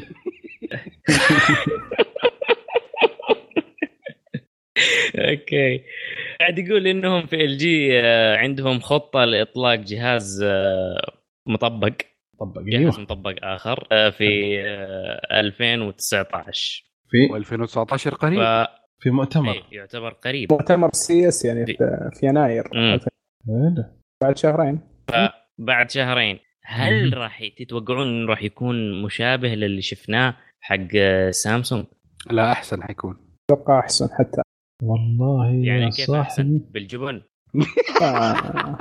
لا أنا آه، المشكلة اللي بقول لك الاختلاف. زي ما قلت الحين آه، سامسونج آه، اللي ورونا إياها اليوم انه زي ال- زي ال communicator الشاشة جوا لما ينصفط الشاشة داخلية. LG العكس. لما ينصفط الجهاز الشاشة تكون برا. خارجيه اي جوا ما في شيء. فهذا الفرق بينهم. آه. لانها على أنا ما أتكلم عن هذه على آخر آه، آه، براءة اختراع سوتها سامسونج LG sorry آخر براءة اختراع نزلتها سجلتها رسميا LG كانت على شاشة منحنية من برا مش داخلية. لأن ميزة آه، شاشة سامسونج مو بسامسونج LG إنه لما. تقفل من جوا حتكون الأطراف لازقه مع كل الاطراف لأنها الشاشة من برا منحنية ماخذة لفة curve كبيرة على سماكه الجهاز. سامسونج وهم يعرضون الجهاز تو جايبينه بزاوية كذا مو برا بس إنه صار فيه لما تشوف فيه فراغ الشاشتين مو بلازقات في curve بسيط جوا داخلي. زي مثلا آه، اللي أحد الشباب شاف آه، لابتوب حق Surface. ال- ال- لابتوب. آه، مو لابتوب أيوه اللابتوب آه، اللابتوب Surface لابتوب حق. مايكروسوفت سيرفس بوك سيرفس بوك سوري سيرفس بوك سيرفس بوك لو صفقته تلقى اللي من جوا. في. هنجز اي في فراغ. مو هو مقفل زي اللابتوبات العادية. مظبوط. أتوقع إن هذا اختلاف ما بينهم. احتمال ترى آه، الاثنين يكون فيهم نفس الشكل ده. نعم؟ احتمال الاثنين حيكون فيهم لازم الشكل ده لأنه ما يمديك الشاشة على حسب اللي فهمته من أيام زمان من أيام ما كانوا بيورونا التكنولوجيا وهي جديدة إنه يعني ما يمديك تصفطها كأنها ورقة وتقدر تقفلها لدي الدرجة. حلو. لازم عشان كذا أنا أقول لك معين. حقت LG لما تصفط الجهاز كامل في curve خارجي مش الداخلي. مظبوط. الداخلي مصفط لازق اطرافه. ما في شاشة. يعني تصميم الجهاز يمديك أيوه تخليه بس من برا. اي. من برا هو اللي فيه ال curve. أيوه فهمت؟ يعني من داخل يمكن يكون فيه hinges عادي يتقفل جهاز flush ومن برا الشاشة فيه سماكة الجهاز اللي تخلي curve هذا ما يأثر على الشاشة. بس دحين على حسب ال design حق آه، سامسونج يعني يمديك تفك نص الجهاز والشاشة مو يعني مو كلها ويمديك تاخذ صورة ولا شيء اذا كان في كاميرا من من ورا. بس LG كذا لازم تفك أبوه كله عشان يمديك آه، تاخذ صورة. فيكون كأنك ماسك صح. تابلت صح ممكن. اي ممكن آه، اللي حيكون في قاعدة ورا هي اللي زي قولهم. فبالسامسونج قاعدة خلفيه ورا كظهر جهاز عادي. ممكن يكون بعد شحن لاسلكي فيه مع كاميرا وخلصنا. yeah. okay. آه مضر آخر آه خبر أو آخر تسريبه عندك عندنا اليوم؟ التسريب عندي اللي هي نوكيا آه نوكيا 9 أو نوكيا. آه في تسريب قال إنه يكون بشاشه آه، حجمها 5.9 حلو. آه Quad HD. okay. okay قول. طبعا ال ratio حقه 18 ل 9 القصات الجديدة. المقاس الجديد اللي هو 18 إلى 9 آه، طبعا يقول لك إنه حيجي curve glass أو شاشة منحنية شوي بالأطراف. okay. هذا من الخلف عفوا. ما مو شاشه عفوا ال glass اللي الخلفي حيكون منحني آه، الأطراف. الشيء المثير فيه إنه حيكون في خمسة كاميرات. طبعا آه، خمس كاميرات على شكل سداسي الأضلاع. آه، هي خمس عدسات plus ال- ال- اللي هو الفلاش فكونت دحين بالشكل كونت آه، سداسي الأضلاع. فطبعا كل واحدة يتحكم فيها بالعمق وفي طبعا بالعمق وفي ال wide angle وفي ال- ال- ال telephoto أو اللي يسموها شوي zoom يعني ال optical zoom آه، فتقريبا هذا اللي جاء في ال- التسريب يعني. طبعا حاطين ال specs فاللي حيستخدموا اللي هو ال next generation اللي هو ال Snapdragon آه، 8 لا 800 و 855 مم. ال- ال- ال- ال RAM حتكون 8 جيجا. ال internal storage حيكون آه، 128 جيجا. ال- البطارية حتكون 4150 طبعا هذه كلها إشاعات بس هذا اللي تقريبا اللي يا صاحبي أنت وصلت ب 4150 يعني أكثر من كذا الدقه ما في. كيف كذا. إشاعات؟ هذا هذا شكله فاتحين الكرتون ذا. والله ما أدري عاد هذه هذا اللي وصل لهم عاد. بس هذا على فكرة هذا طبعا عدة إشاعات هي جمعوها في إشاعة واحدة يعني. لكن يعني هذا واحد اختص بال specification والثاني سوى لها 3D rendering حلو. كيف؟ طبعا الاسم قالوا يمكن يسموها نوكيا 9 PureView أوه اللي كانت تجي. بأجهزة نوكيا. القديمة PureView ال PureView ما أتذكر أنا. حقت اجهزه نوكيا. قبل ما تشتريها سا... 808. مايكروسوفت. ال 808 PureView إي. صحيح. وال آه، 1000 آه، شو اسمه؟ أعتقد 1080. 1020 200 1080 ولا 1020 إيه، 1020 هي. إي هذيك رائعة صراحة. طبعا كارل آه، أعتقد اللي حيستخدموها برضو يقول لك آه، كارل زايس اللي هو العدسات حق زايس نفسه. حلو. خويهم زايس. ها؟ من زمان. زمان مكان زمان إي والله بدأت أحس إنه طبعا بس- قالوا حيطلقوها ممكن في معرض برشلونة مم. 2000 و 2019 برشلونة. بفهم يا يا. هو النوكيا 9 هذا راح يكون هو ال flagship حق نوكيا وكيف يكون؟ اي. هذا flagship حق نوكيا طبعا. بعد خمس كاميرات. interesting هذا. كيف؟ هذا interesting يحمس على فكرة ممكن يجي بين الاندرويد ممكن. هو تقريبا أصلا جزتهم تقريبا فانيلا. آه yeah. أوه لا وعلى حسب الفانيلا يعني خام تقريبا أي خام من غير. أي تعديل لو جوجل على حط حسب وعلى حسب الرندرنج ترى فيه آه، مخرج آه، 3.5 يا معن إن شاء الله وكمان امبليفاير وداك توين داك التاسع. كذا الله 24 الله بت. الله 192 كيلو هيرتز امبليفاير كان سبورت 600 اومز هيدفونز أو ماي جاد أو ماي جاد أوكي يعطيك العافية. كذا شباب؟ شوية في ناس تسمعنا بسماعات. اهدى تهذير. انطلق. ورجعنا آه، رجعنا. آه، نبدأ الحين الفقره فقرة آه، موضوع الحلقة. ما في مشكلة. آه، ضيفنا الأخ فواز عبد العزيز. حياك الله أخوي فواز. الله يحييك يا أهلين. الأخ فواز ما شاء الله له خبرة خمس سنوات في مجال الرسم الرقمي وعلى قولهم لا يفتى ومالك في المدينة ف الله يعطيه العافية نبغى نتكلم عن الرسم التقني. بس أول شيء نبغى نعرف وش الفرق بين الرسم التقليدي والرسم الر- الرقمي؟ طبعا ال- الكل نوع منهم في مزايا وفي عيوب يعني فكثير من عندنا خصوصا يعني بالعالم العربي يميل للرسم الرقمي لأنه على المدى البعيد راح يوفر لك من ناحية الأدوات. حتى اللي يعني ال- الأجانب يميلون للرسم الرقمي لأنه راح يوفر لك من على المدى البعيد راح يوفر لك من ناحية الفلوس. آه، طبعا عندنا عشان السبب هذا وعلشان سبب ثاني اللي هو ممكن عدم التوفر بعض الأشياء بعض الأدوات ممكن ما نحصلها ممكن يصير السعر مبالغ فيه. فالرسم الرقمي يعني يميلون لناس كثير من الفنانين اللي عندنا علشان هالشغلة هذه يعني overpriced وعدم توفر بعض الأشياء. خصوصا يعني رسامين ممكن نقول يعني رسامين الكوميكس وفي يعني ممكن نقول إن الرسم الرقمي متسامح أكثر بحيث إن الت- أسهل التعديلات أسهل الأشياء هذه. يعني حتى لو نرسم بالرسم التقليدي لو نستخدم مثلا ال- الأقلام الخفيفة درجات ال H أو الأشياء هذه يعني مع الوقت الورقة ما تتحمل يعني تتحمل إلى درجة معينة من استخدام المساحة أو الأشياء هذه. ف يعني هذه تعتبر من الأشياء المميزة بالرسم الرقمي. بالرسم التقليدي يعني فيه أشياء أكثر ممكن نقدر نقول خفة القلم مقارنة بالرسم الرقمي. يعني فيه learning curve شوي بالرسم الرقمي بحيث إنه ممكن ياخذ وقت أو ممكن يخلي مو يعني ما ما يفضل أي شخص يعني يكون شخص committed يعني. وممكن برضو ينفع مع برامج التصميم أكثر.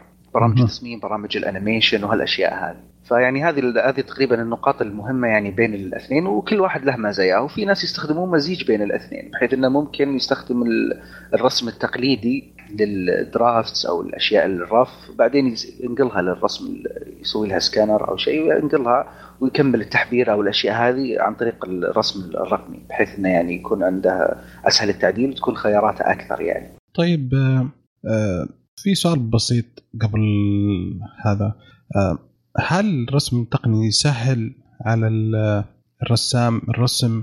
يعني اللي ما عنده موهبة قو- كبيرة هل الرسم التقني يساعده مقارنة أنت عارف اللي رسام مثلا على ورق وزي كذا لمسة يده موجودة فيتبان الفن وال من حركة يده وزي كذا. في حين إنه واحد يحاول رسم تلقى فضايح. في حين هل الر- الرقم يساعد إنه يخفي العيوب هذه؟ هل يسهل على الرسام إنه يرسم؟ والله شوف أنا أنا بدايتي بالرسم يعني سنة 2013 يعني بديت بالرسم الرقمي قبل ما أبدأ بالرسم التقليدي علشان الأسباب اللي ذكرتها أنت يعني كنت مفكر إنه ممكن الرسم الرقمي في تسامح أكثر يخفي العيوب بشكل أكثر آه. آه، وممكن يعني إنه في جوانب تقنية تساعد في بعض البرامج على إني أرسم يعني. أو يعني ممكن يعني نقول شخص إنه لسه متعلم أو مبتدئ فممكن يساعد أشياء. أنا هذا اللي كنت اتوقعه يعني قبل. لكن يعني في جانب صحيح من النقطة هذه في بعض البرامج. لكن برضو يعني بالمقابل الشخص لازم يتعلم أشياء ثانية في برامج الرسم نفسها. علشان يعني تقدر تقول إني أنا والله استغليت قلة معرفتي أو قلة الخبرة نفسها بحيث إني قلة خبرتي استخدمتها في الرسم. يعني مثلا عندك برنامج Clip Studio Paint. يوفر models يوفر أشياء كثيرة models 3D بحيث إنها تحط لها pose معين على ال- اللي أنت تبغاه بعدين ترسم ال- الشكل الأساسي للوضعية وترسم فوق ال details هذا ممكن يساعد الأشخاص اللي أقل خبرة. في نفس الوقت لازم الشخص نفسه يكون يعني عنده خلفية شوي بالبرنامج علشان يعرف كيف يتحكم بال poses كيف يحط ال shades كيف يحط الأشياء هذه. فيعني فيه شيء مقابل شيء يعني. هذا اللي أبغى أوصله يعني. فيعني هي ممكن لكن تحتاج شخص يعني جدا عنده صبر. فيعني أتوقع إن كل ال- ال- الجانبين التقليدي والرقمي كله يعني يحتاج وقت علشان الشخص يوصل لل- يعني ال point اللي يحس إنه okay هذا ال style اللي أنا أبغاه أو هذا المستوى اللي أنا أبغاه. حلو. okay. الحين أسباب الحين استخدام آه، أسباب الاستخدام من الرسم الرقمي. okay هذه النقطة اللي شوي بس أبغى أتفصل فيها. يعني خذ راحتك. أي من نعرف الاشياء أي من اللي قلت لك الأشياء اللي قبل شوي يعني إن ممكن إن الأجانب تقريبا يستخدمونها علشان يوفر الأدوات. يعني لما نتكلم مثلا عن ال tablets والأشياء هذه في اسعار ال price range يختلف الأسعار تختلف عن شركه عن شركة تابلت عن تابلت مع المزايا مع الأحجام الأشياء هذه كلها. لكن على المدى البعيد يعني لما نقارن بين الأسعار يعني مثلا شيء بسيط عندك يعني مثلا أقلام في أقلام التلوين أنا والله نسيت حتى اسمها ما يحضرني اسمها الحين. بس في مجموعة ألوان تقليد ألوان آه ما إحنا ما نعرف ال Faber-Castell اللي أيام الجامعة. Faber-Castell وهذا اللي شغالين عليها. وأقلام التحبير هذيك ال point 1 و point 2 و point هذا اللي يعني كمهندسين نعرفها لا في يعني في ال price range يختلف من شركة شركه حتى بالألوان والأدوات التقليدية. يعني في مجموعة ألوان أذكر شفتها في معرض Comic Con دبي كانوا مسوين عليها خصم مجموعة المجموعه ال full set يعني كل الألوان. بعد الخصم سعرها 9000 ما شاء الله. اي فرصة يعني لقطة. إيه. هذا بعد الخصم. قبل- بعد الخصم. قبل الخصم أتوقع سعرها 12000 أو 11000 ال full set. يعني المجموعة اللي منها ثمانية أقلام تقريبا سعرها يوصل حوالي 400 إلى 300 500 ريال. فيعني ال... في ناس يقول لك أنا بدل يعني ما أشتري الأشياء هذه أنا ممكن أشتري لي والله software كويس برنامج كويس للرسم وأستعمل وأشتري لي يعني ادفع مرة واحدة أشتري لي تابلت يكون يعني كويس وخلاص يعني أرسم فيه. لكن يعني في برضه في ناس ممكن ما يعترفون بالرسم الرقمي هذول الناس التقليديين مرة القديمين. ممكن يعني ما يعترفون بالرسم الرقمي ما يعترفون بهالأشياء. أو يشوفون إن الرسامين اللي يرسم رسم رقمي يعني زي ما نقول ياخذ shortcut لكن مثل ما قلت لك يعني التعلم على البرامج. ما دفع الديو اللي ما أي بالضبط تقريبا. يعني ممكن يشوف إن الرسم اليدوي أصعب.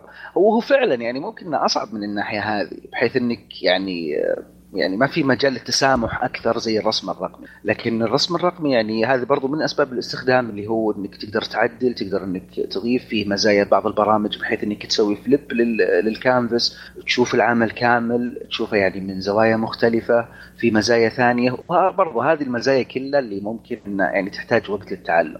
فيعني ممكن إنه أكثر يعني أكثر تسامح ممكن إنه توفير على المدى البعيد من ناحية الفلوس ممكن إنه يعني مثلا مثل يعني رسامين الكوميكس ورسامين المانجا الأدوات جدا قليلة يعني البائعين الأدوات عندنا بالسعودية أتوقع قليلين مرة يعني جد. في محلات بالرياض يعني في محلات بالرياض تبيع أدوات Deleter اللي هي متخصصة في المانجا لكن قليلة يعني ففي برنامج ال Clip Studio يوفر لك كل هالأشياء هذه. وهو كله رقمي ولا تحتاج يعني تتعب نفسك وتشتري الأدوات هذه تشتري ال tones وتشتري هالأشياء هذه كلها متوفره لك داخل البرنامج وللاستعمال المستمر.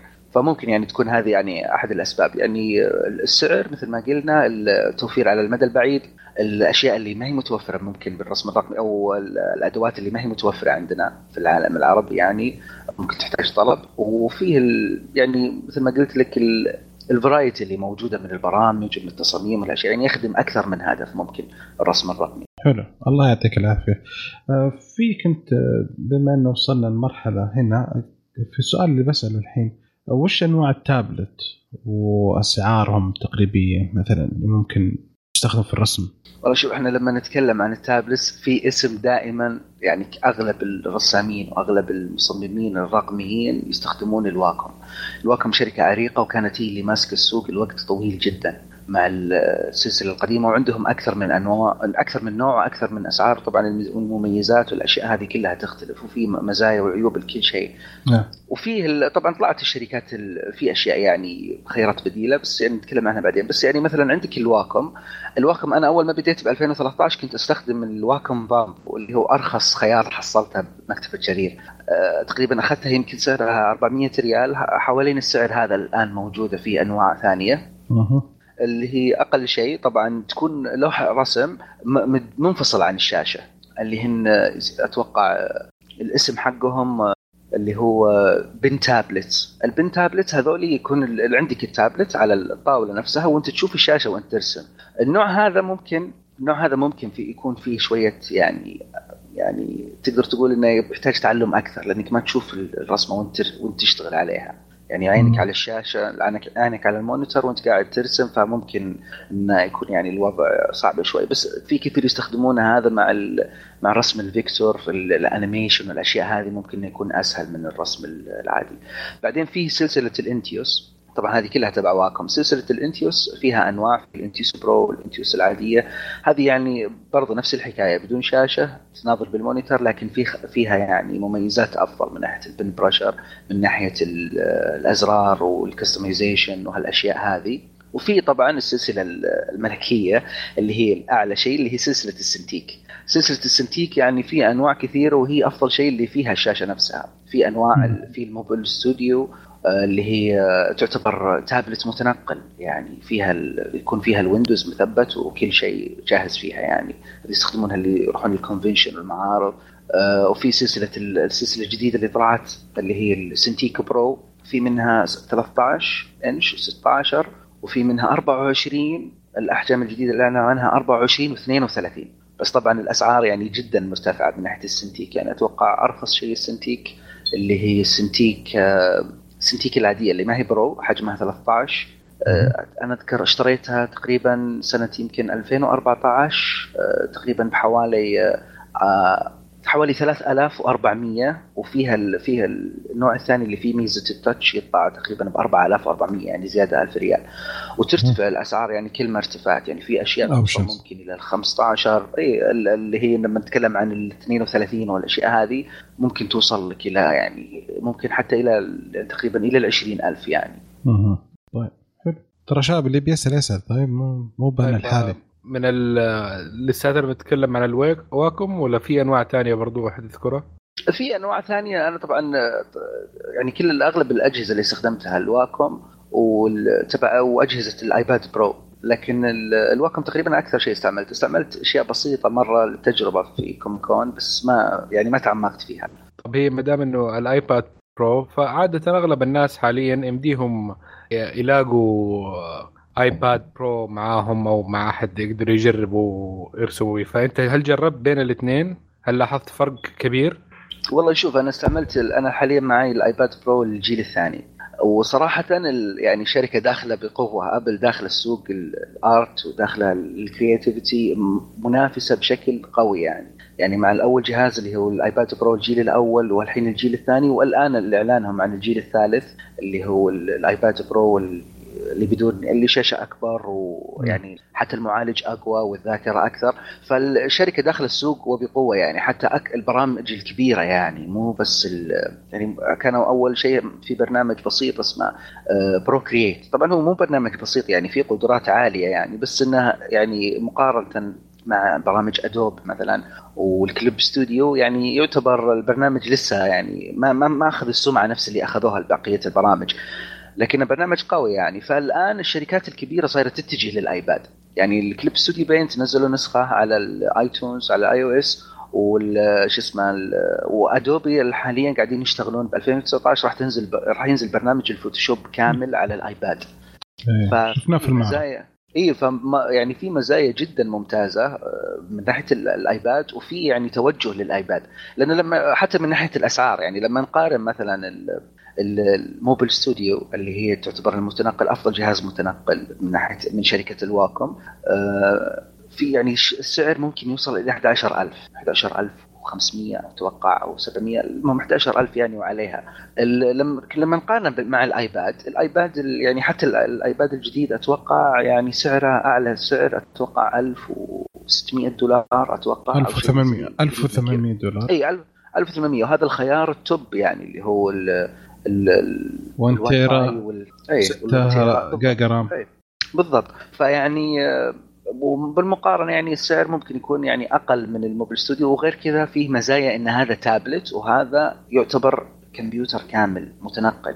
تحتاج لبرامج antivirus تحتاج لاشياء ثانية تحتاج ل maintenance وطبعا ممكن يعني ممكن يعني يكون شغله أكثر متعب أكثر من من البرنامج يعني على ال tablet ال iPad. طب. فيعني حاليا تفضل. لا كمل كان سهل اي لا يعني حاليا يعني أنا أشوف إن ال iPad ممكن يكون الخيار الأمثل يعني. طب مقارنة من ال iPad بال Surface لأنه على حسب آه Surface إنه الشاشة حقتهم ال touch من Wacom. فايش رأيك؟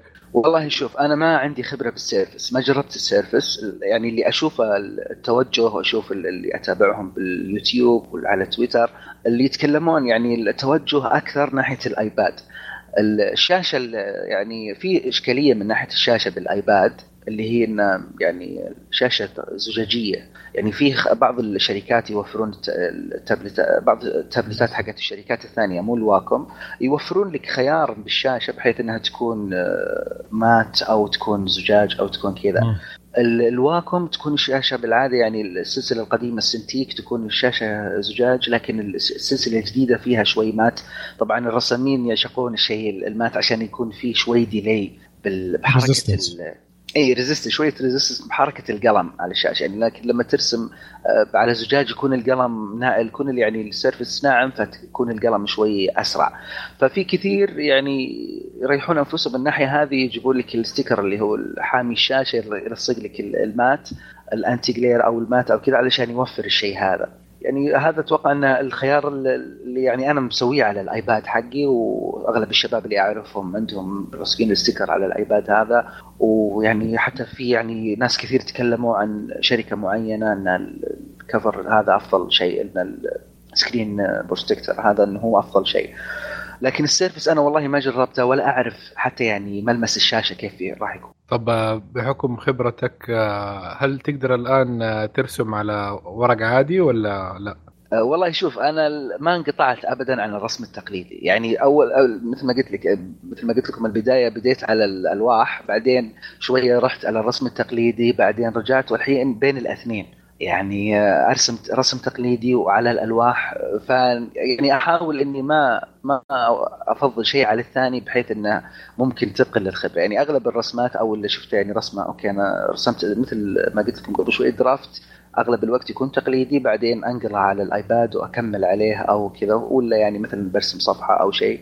فتكون يعني بين الاثنين. فعشان كذا ما أحس إنه يعني يعني أحاول قد ما أقدر إني أوفق بين الاثنين. طب قديش تنصح ال- الشباب اللي لساتهم مع الرسم التقليدي إنه مثلا على الأقل حتى يبدأوا يشتروا تابلت آه، مثلا مو مو ضروري من Wacom يكون غالي يعني مثلا حتى من شركة هوين أظن الاتش يو اي ان قديش تنصحهم إنه ممكن يجربوا التجربة الرقمية أكثر؟ يعني بين الشركات والله شوف ال- الهوين أنا جربتها في واحدة من المعارض تجربة بسيطة مرة يعني ما ما طولت فيها. كان فيها شوي. طبعا الحجم كان أتوقع 24 أو 22 الحجم كان سعرها جدا معقول مقارنة مع الواكوم اللي هي ال 22 الواكوم 22 تقريبا سعرها حوالي 8500 مع التاتش. هذا طبعا لو تبي تاخذها من الموزع على طول لكن لو تبي تاخذها من آه، آه، سوق dot com أو من المواقع الثانية ممكن يصير فيها شوي السعر يعني يرتفع شوي. آه، يعني مقارنة بالملمس بالشاشة هذيك تقريبا سعرها يمكن 500 دولار ال- ال Huion فالمقارنة يعني كان الملمس شوية الملمس حق ال screen شوية فيه resistance أكثر من اللازم أو بالأصح كأنك ترسم على ما أدري كيف يعني ملمس الشاشة ما كان مناسب لكنه يعني خيار آه، كويس. كبداية يعني اللي يبغى يرسم أو يبغى يجرب يدخل العالم الرقمي أنا أنصح إنه يشتري أقل نوع من الواكوم أو لو في إمكانية الآيباد.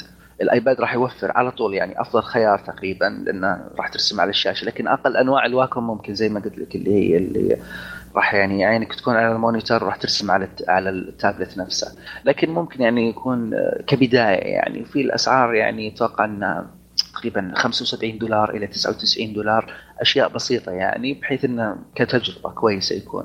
يعني تنصح الواحد آه، من الرسم التقليدي ينقز لل digital حاليا. والله شوف ما يمنع التجربة. والبرامج مثل ما قلت لك يعني أنت لما تفكر بالرسم الرسم الرقمي أنت راح فك يعني راح تحتاج برنامج.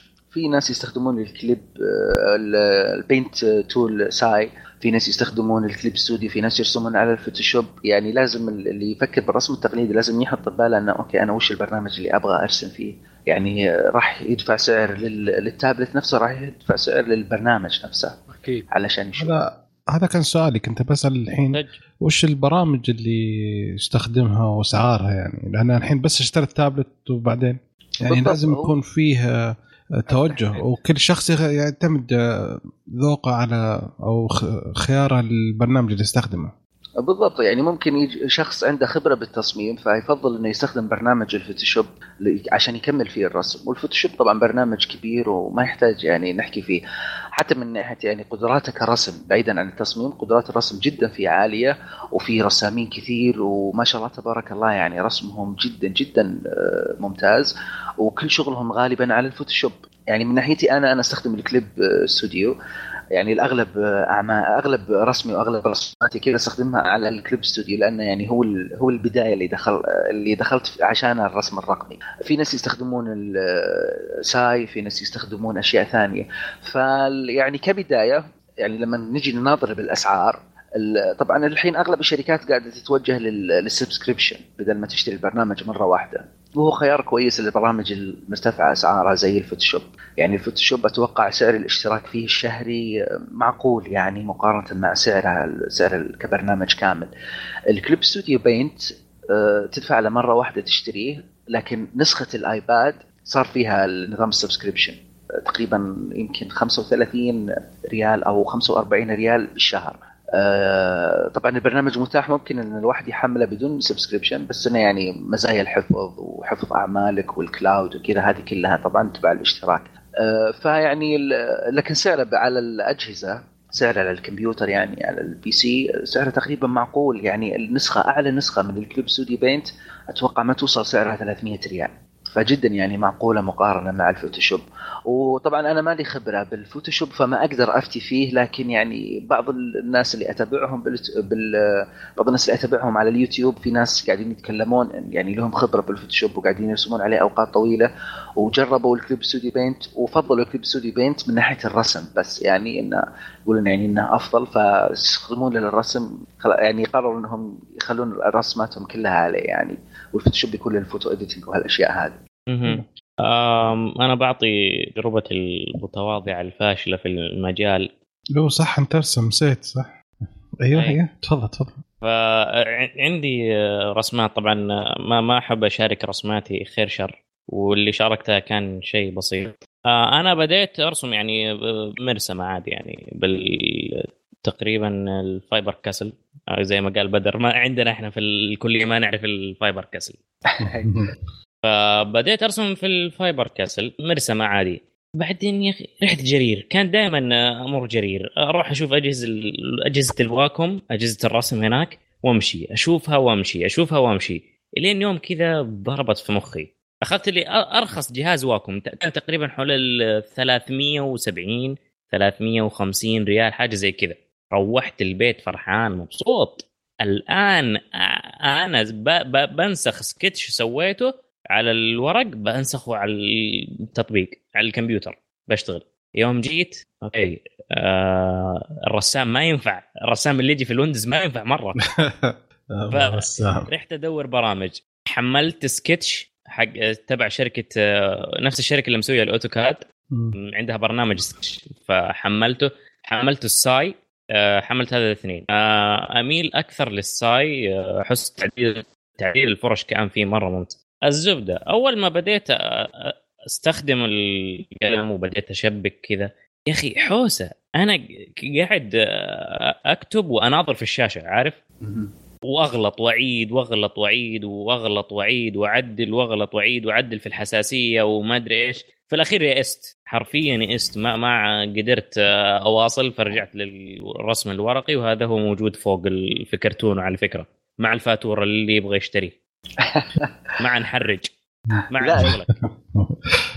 شوف هو معك حق يعني الجانب التقني من الرسم الرسم الرقمي متعب أحيانا خصوصا يعني لما يكون الجهاز تحتاج أنت توصله على PC لأنه راح ياخذ منك وقت راح ياخذ منك جهد بحيث إنك راح ياخذ منك space مكان عشان تعدل بعض الأشياء. فيحتاج شغل كثير. ممكن في الأشخاص يملون. غير كذا مثل ما قلت يعني الرسم أصعب شوية خصوصا التابلتات اللي ما فيها شاشة. الرسم يكون أصعب شوية ال learning curve يكون شوي معقد فممكن الواحد يمل منه. فحتى يعني الجانب التقليدي يعني حتى اجهزه الواكم الجديدة النقطة هذه مهمة يعني عشان كذا أنا حاليا أنصح بالآيباد أكثر من الواكم. آه، الواكم الجديده سلسلة الواكم ال Pro فيها مشاكل تقنية كثيرة والدعم الفني صاير يعني ما يعطي وجه على بلاطه يعني ال Cintiq أنا حاليا عندي ال Cintiq Pro اللي هي مقاس 16 صراحة عانيت منها كثير يعني أول ما اشتريتها وصلتها على iMac ما أعطتني ال 4K طبعا من مميزاتها اللي هي ال 4K ما أعطتني ال 4K بعدين وصلتها مع شو اسمه وصلتها مع ال PC نفس الحكاية. جربتها مع MacBook Pro نفس الحكاية. يعني مرة ما اشتغلت إلا لما وصلتها مع لابتوب وضبط أعطاني ال 4K وفي حتى يعني بحثت بالنت وفي مو بس أنا المشكلة مو من عندي أو خلل بال unit اللي عندي. المشكلة عند ناس كثير. والدعم الفني يحاولون يتواصلون معه ولا أحد يرد عليه. يعني ببساطة الدعم الفني لما يتواصلون معاهم يقولون لهم السلك اللي جاي معاها بكرتونها ما يدعم ال 4K طيب الجهاز يدعم 4K كيف تحط لي السلك ما يدعم 4K يقولون روح اشتري سلك ثاني اللي هو ال Thunderbolt. أها حركات بعض الشركات. طيب اجهزه الواكم. تحتاج ال PC يكون high performance ولا لا؟ والله شوف ال- المسألة هذه تعتمد على البرنامج اللي راح تستخدمه. يعني أنت راح تستخدم مثلا ال Clip Studio ال Clip Studio مقارنة مع الفوتوشوب ما ياخذ يعني performance قوي ما يحتاج آه، PC آه، مرة كويس يعني. لكن لما نتكلم عن الفوتوشوب الفوتوشوب يعني ثقيل على الجهاز من ناحية ال- أيوه. من من نواحي كثيرة. فممكن يعني يحتاج آه، الجهاز يكون يعني شوية محترم. لكن ال ال ال التابلت نفسها ما يحتاج يعني شيء. كله يعتمد على البرنامج اللي راح يستخدمه الشخص. طب بس- الشاشة؟ الشاشه قصدك ال monitor الثاني غير ال- ال monitor حق ال- مضبوط إيه. إي لا شاشه برضو ما تحتاجها. حتى يعني في في ناس كثير يستخدمون يعني لما يكون station workstation ما يوصل حتى monitor. يخلي بس وا... آه، monitor واحد اللي هو ال monitor حق التابلت نفسها حق الرسم. آه لا بس في لا ناس لو بدون اللي بدون monitor. اللي بس ال pad لحاله عشان ترسم وانت تناظر اي الشاشة. اي ال pad لحاله لا برضه شاشتك موجودة خلاص يعني ممكن إعدادات الدقة من ناحية عشان الألوان والسطوع تشوف عشان يكون اللون اللي أنت حطيته بالضبط لأنه ممكن لو تنقل العمل على شاشة ثانية أو على جهاز ثاني تختلف الألوان عليك شوي لكن يعني مو شيء جذري فالشاشه ابدا يعني ما تحتاج. okay. يعني في البدايات تنصح للمبتدئين خصوصا يستخدم الآيباد والأجهزة هذه أفضل من الواكم خصوصا يمكن يحتاج PC عالي وقتها وكذا. بالضبط. والآيباد بالضبط. والآيباد ممكن يوفر لك أشياء كثيرة غير الرسم. يعني آه، الآيباد أول شيء أسهل التنقل معك. يعني حتى الموبايل ستوديو حقت الواكم ثقيلة شوي مقارنة مع الآيباد. الآيباد حجم كبير آه، مو الآيباد ال- الموبايل ستوديو. حجمها كبير. اي الواكم حجمها كبير تحتاج يعني تنتبه لها شوي يعني تحتاج آه، تقريبا تقدر تقول backpack أو شيء عشان يعني ما تتضرر. لكن الآيباد ممكن يعني يوفر لك آه، مساحة. الآيباد حتى ال- الآيباد الجديد حجمه يعني أقل من الآيباد السابق فمريح من الناحية هذه. تاخذه معك في أي مكان يعني عندك على الواكم لازم يكون تستخدمه مع جهاز مثلا لو كان عندك PC ولا لابتوب راح تاخذ مساحة أكبر لما تيجي تستخدمه. أما الآيباد في أي مكان يعني لو كنت مثلا مكتب ولا في مكان برا في الطريق لو كنت موجود تسوق تقدر تستخدمه صح ولا لا؟ هذا الافضل. فيها. بالضبط اي لكن أنا ترى الموبايل ستوديو اللي هي نسخة الموبايل ستوديو التابلت هذه برضه تابلت متنقلة. ما آه. تستح... ما تحتاج تستخدمها على شاشة أو شيء لكنها حتى وهي متنقلة تحتاج شوية شغل لأن الحجم أكبر شوي من ال... من الآيباد. okay أيوه فهمت. اي اي فتحتاج يعني شوية شغل تحتاج كذا. وبرضه زي ما قلت لك انها يعني فيها نسخة ويندوز تبي تحتاج antivirus بتحتاج لها برامج بتحتاج لها الأشياء هذه غير عن الآيباد. والآيباد يعني حتى لو مثلا والله نقول الرسم ما عجبك الرسم أو ما اهتويت الرسم الرقمي بعد ما اشتريته الآيباد باقي ممكن تستخدم الأشياء كثيرة. ومع الحجم الكبير ممكن يصير لك يعني monitor ممكن البرامج نتفليكس وهالأشياء هذه ال games يعني ممكن تستخدم الأشياء ثانية يعني ما راح تفلش فيه. مو زي مثلا الواكم لما تشتريها وتحس إنك توهقت يعني استخدامك محدود زي حق أيوه. حسين اي أيوه بالضبط استخدامك بالضبط. محدود أيوه. هناك لو ما جاز لك الوضع تقدر تستخدمه بأشياء ثانية اللي هو بالضبط. عادي الكل يستخدمه ويمديك تبيعه. لما لو ما عجبك الوضع بالضبط. لا والآيباد حتى يعني فيه مع مع القلم في أشياء ثانية فيه خ- يفتح لك احتماليات كبيرة ثانية. يعني ممكن تستخدم لل notes اللي تستخدم تسجل فيها ال notes برامج ال notes على الآيباد كثير كثيرة مرة والتعديلات والأشياء اللي فيها مرة كويسة. يعني ممكن يستخدمون الناس لل- للبحوث الأشياء هذه. يعني حتى في برامج ممكن تجلس تكتب handwriting بعدين يحول لك ال handwriting ال text نفسه. يعني تعرفوا على طول إيه. اي. فممكن اي فيفيدك بهالأشياء هذه يعني. صحيح طيب الإحساس كيف ما بينهم؟ أنا أبغى أعرف الإحساس ما بين ال- التقليدي ويا ال- الرقمي. والله الرسام كيف إحساس الرسم يعني؟ هل تشتاق للتقليدي لما تستخدم آه، رقمي كثير وكذا ولا كيف؟ والله شوف كثير ناس من اللي, اللي متعودين على الرسم التقليدي لما يجي يرسم رقمي يقول ما أحس إني أرسم. لأنه يقول يقول يقول يدي ما توسخت. إيه. إيه.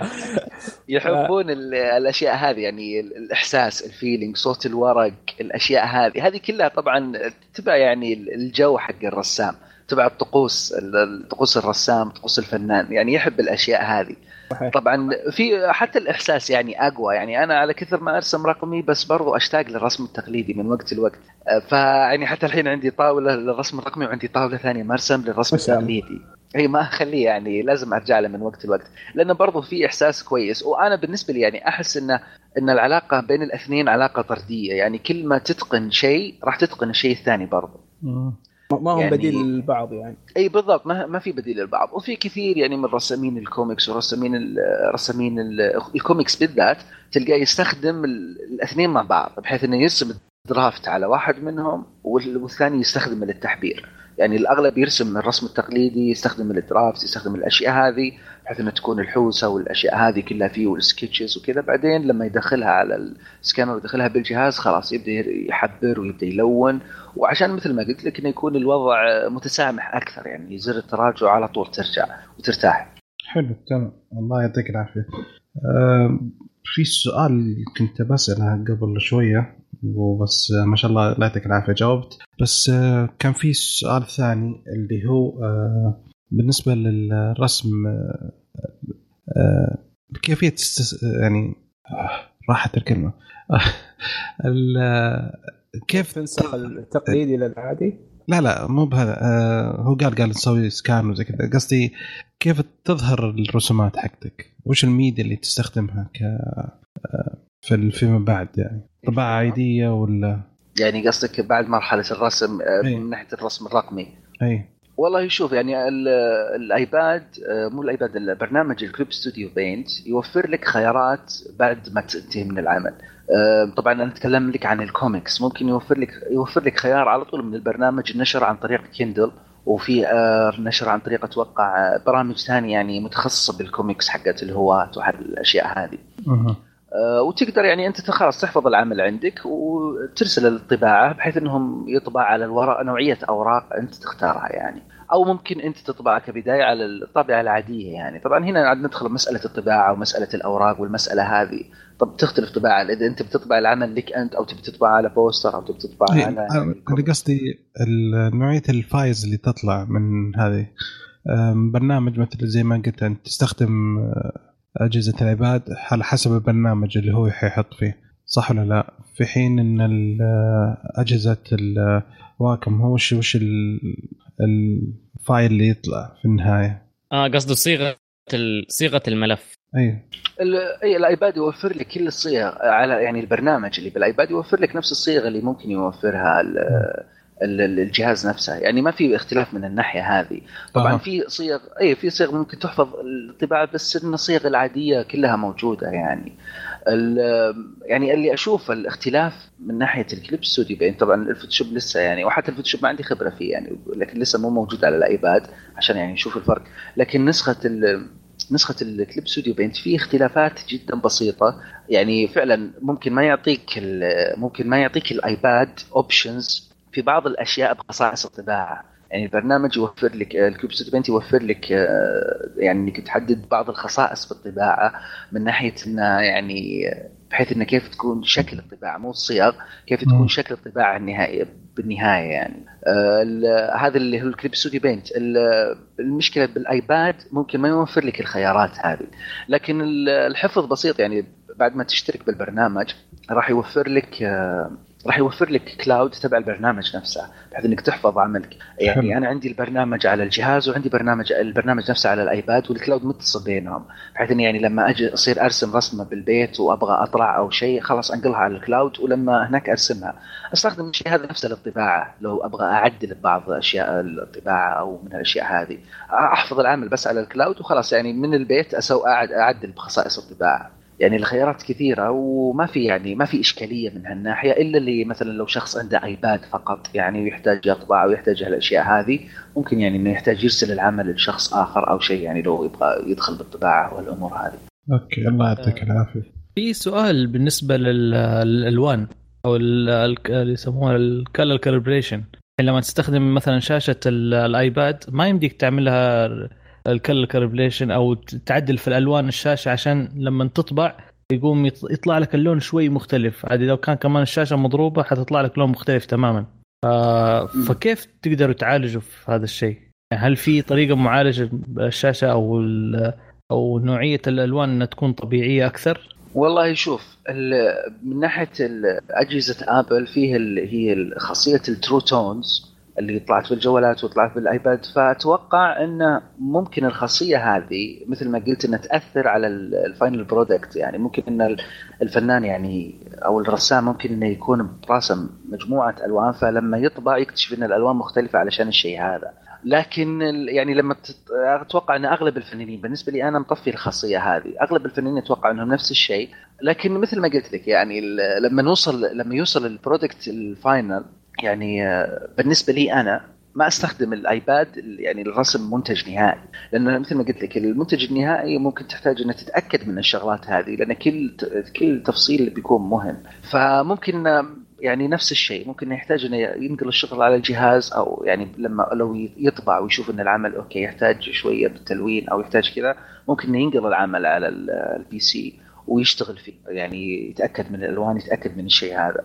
أنا صراحة أستغرب من بعض الأشياء. في يعني أحيانا يعني عندي ال- ال Wacom اللي هي ال 22 كنت شابكها على ال iMac فلما بال display حق الشاشة نفسها بعض الأحيان أحط ألوان لكن لما أنقلها على ال Retina بال iMac يكون ال... تكون فيه شوية اختلاف بالألوان. فالشغلة هذه أتوقع إنه يعني ممكن ممكن ماني متأكد بس إنه ممكن تكون بالآيباد أفضل لأنك أنت عندك one display يعني خصوصا لما تشيل ال True Tones وهالأشياء هذه. فتكون يعني المنتج عندك واضح يعني خصوصا على الشاشة نفسها يعني. فأتوقع إنه ممكن إنه يريح من الناحية هذه بس بنفس الوقت يعني لو تبغى final product final كذا أتوقع إنه بيكون أفضل على ال- ال- ال Clip Studio نسخة ال PC نفسها. طبعا أنا أتكلم عن ال- ال Clip Studio لأن خبرتي يعني في الفوتوشوب شوي قليلة ما استخدمتها ابدا الفوتوشوب للرسم. وال SAI ما هو موجود للأسف. يعني كنت أستخدم ال iMac ما هو موجود على حتى كنت سألت حسين قبل. آه، ما هو موجود ال SAI على ال- ال- ال Mac نظام ال- ال Mac فما استخدمته ما جربته يعني كثير. okay. في أحد عنده سؤال يا شباب؟ نوب. آه أنا أعتقد كذا بالاسئله عندنا انتهت. في في شيء موضوع في شيء موضوع بفواز تبي تتكلم عنه أنت ولا شيء؟ لا الله يعطيك العافية. أتوقع كذا خلصنا كل شيء يعني. الله يعطيك العافية. صراحة. والله صراحة المعلومات مرة حلوة الله يعطيك العافية. آه استفدنا كثير. آه خلاص كذا شباب ما في أحد؟ خلي ضيفني يمشي. أظن حسين عنده حاجة؟ فوض حسين. حسين؟ شكله طاح في البير حسين. مع موضوع كان في سؤال من تويتر؟ أي صح. في صح. سؤال في تويتر. أي في حنا- آه في سؤال في تويتر. نعم. آه في واحد يسأل اللي هو RR dot. يقول هل ممكن نشوف أو موجود جهاز مختص في الرسم بمعنى آخر كراسة رسم ذكية. آه، جهاز آه، ما في له أدوات آه، ما في له أدوات. أي آه، اللي تحتاجها آه، لهذه الشغلة. أو آه، أجهزة أخرى بنفس الفكرة.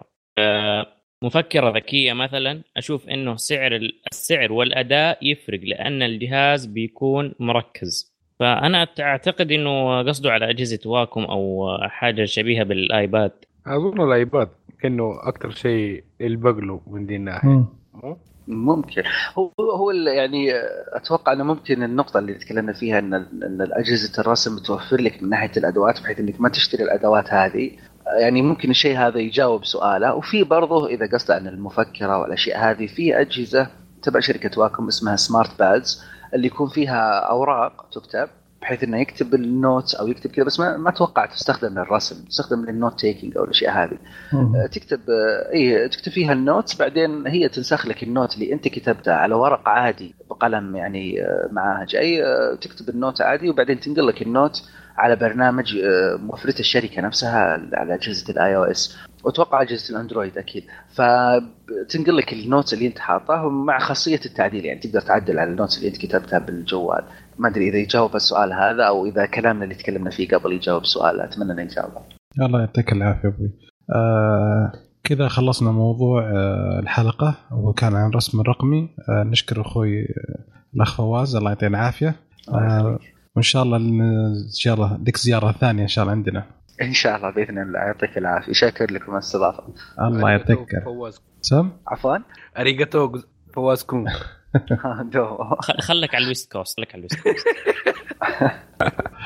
الله يعطيك العافية. والحين وصلنا إلى فقرة تطبيق الأسبوع أو تطبيق الحلقة. آه تطبيق الحلقة هو ال Pushbullet وعبد الله ما شاء الله الله يعطيه العافية هو اللي جايب لنا التطبيق.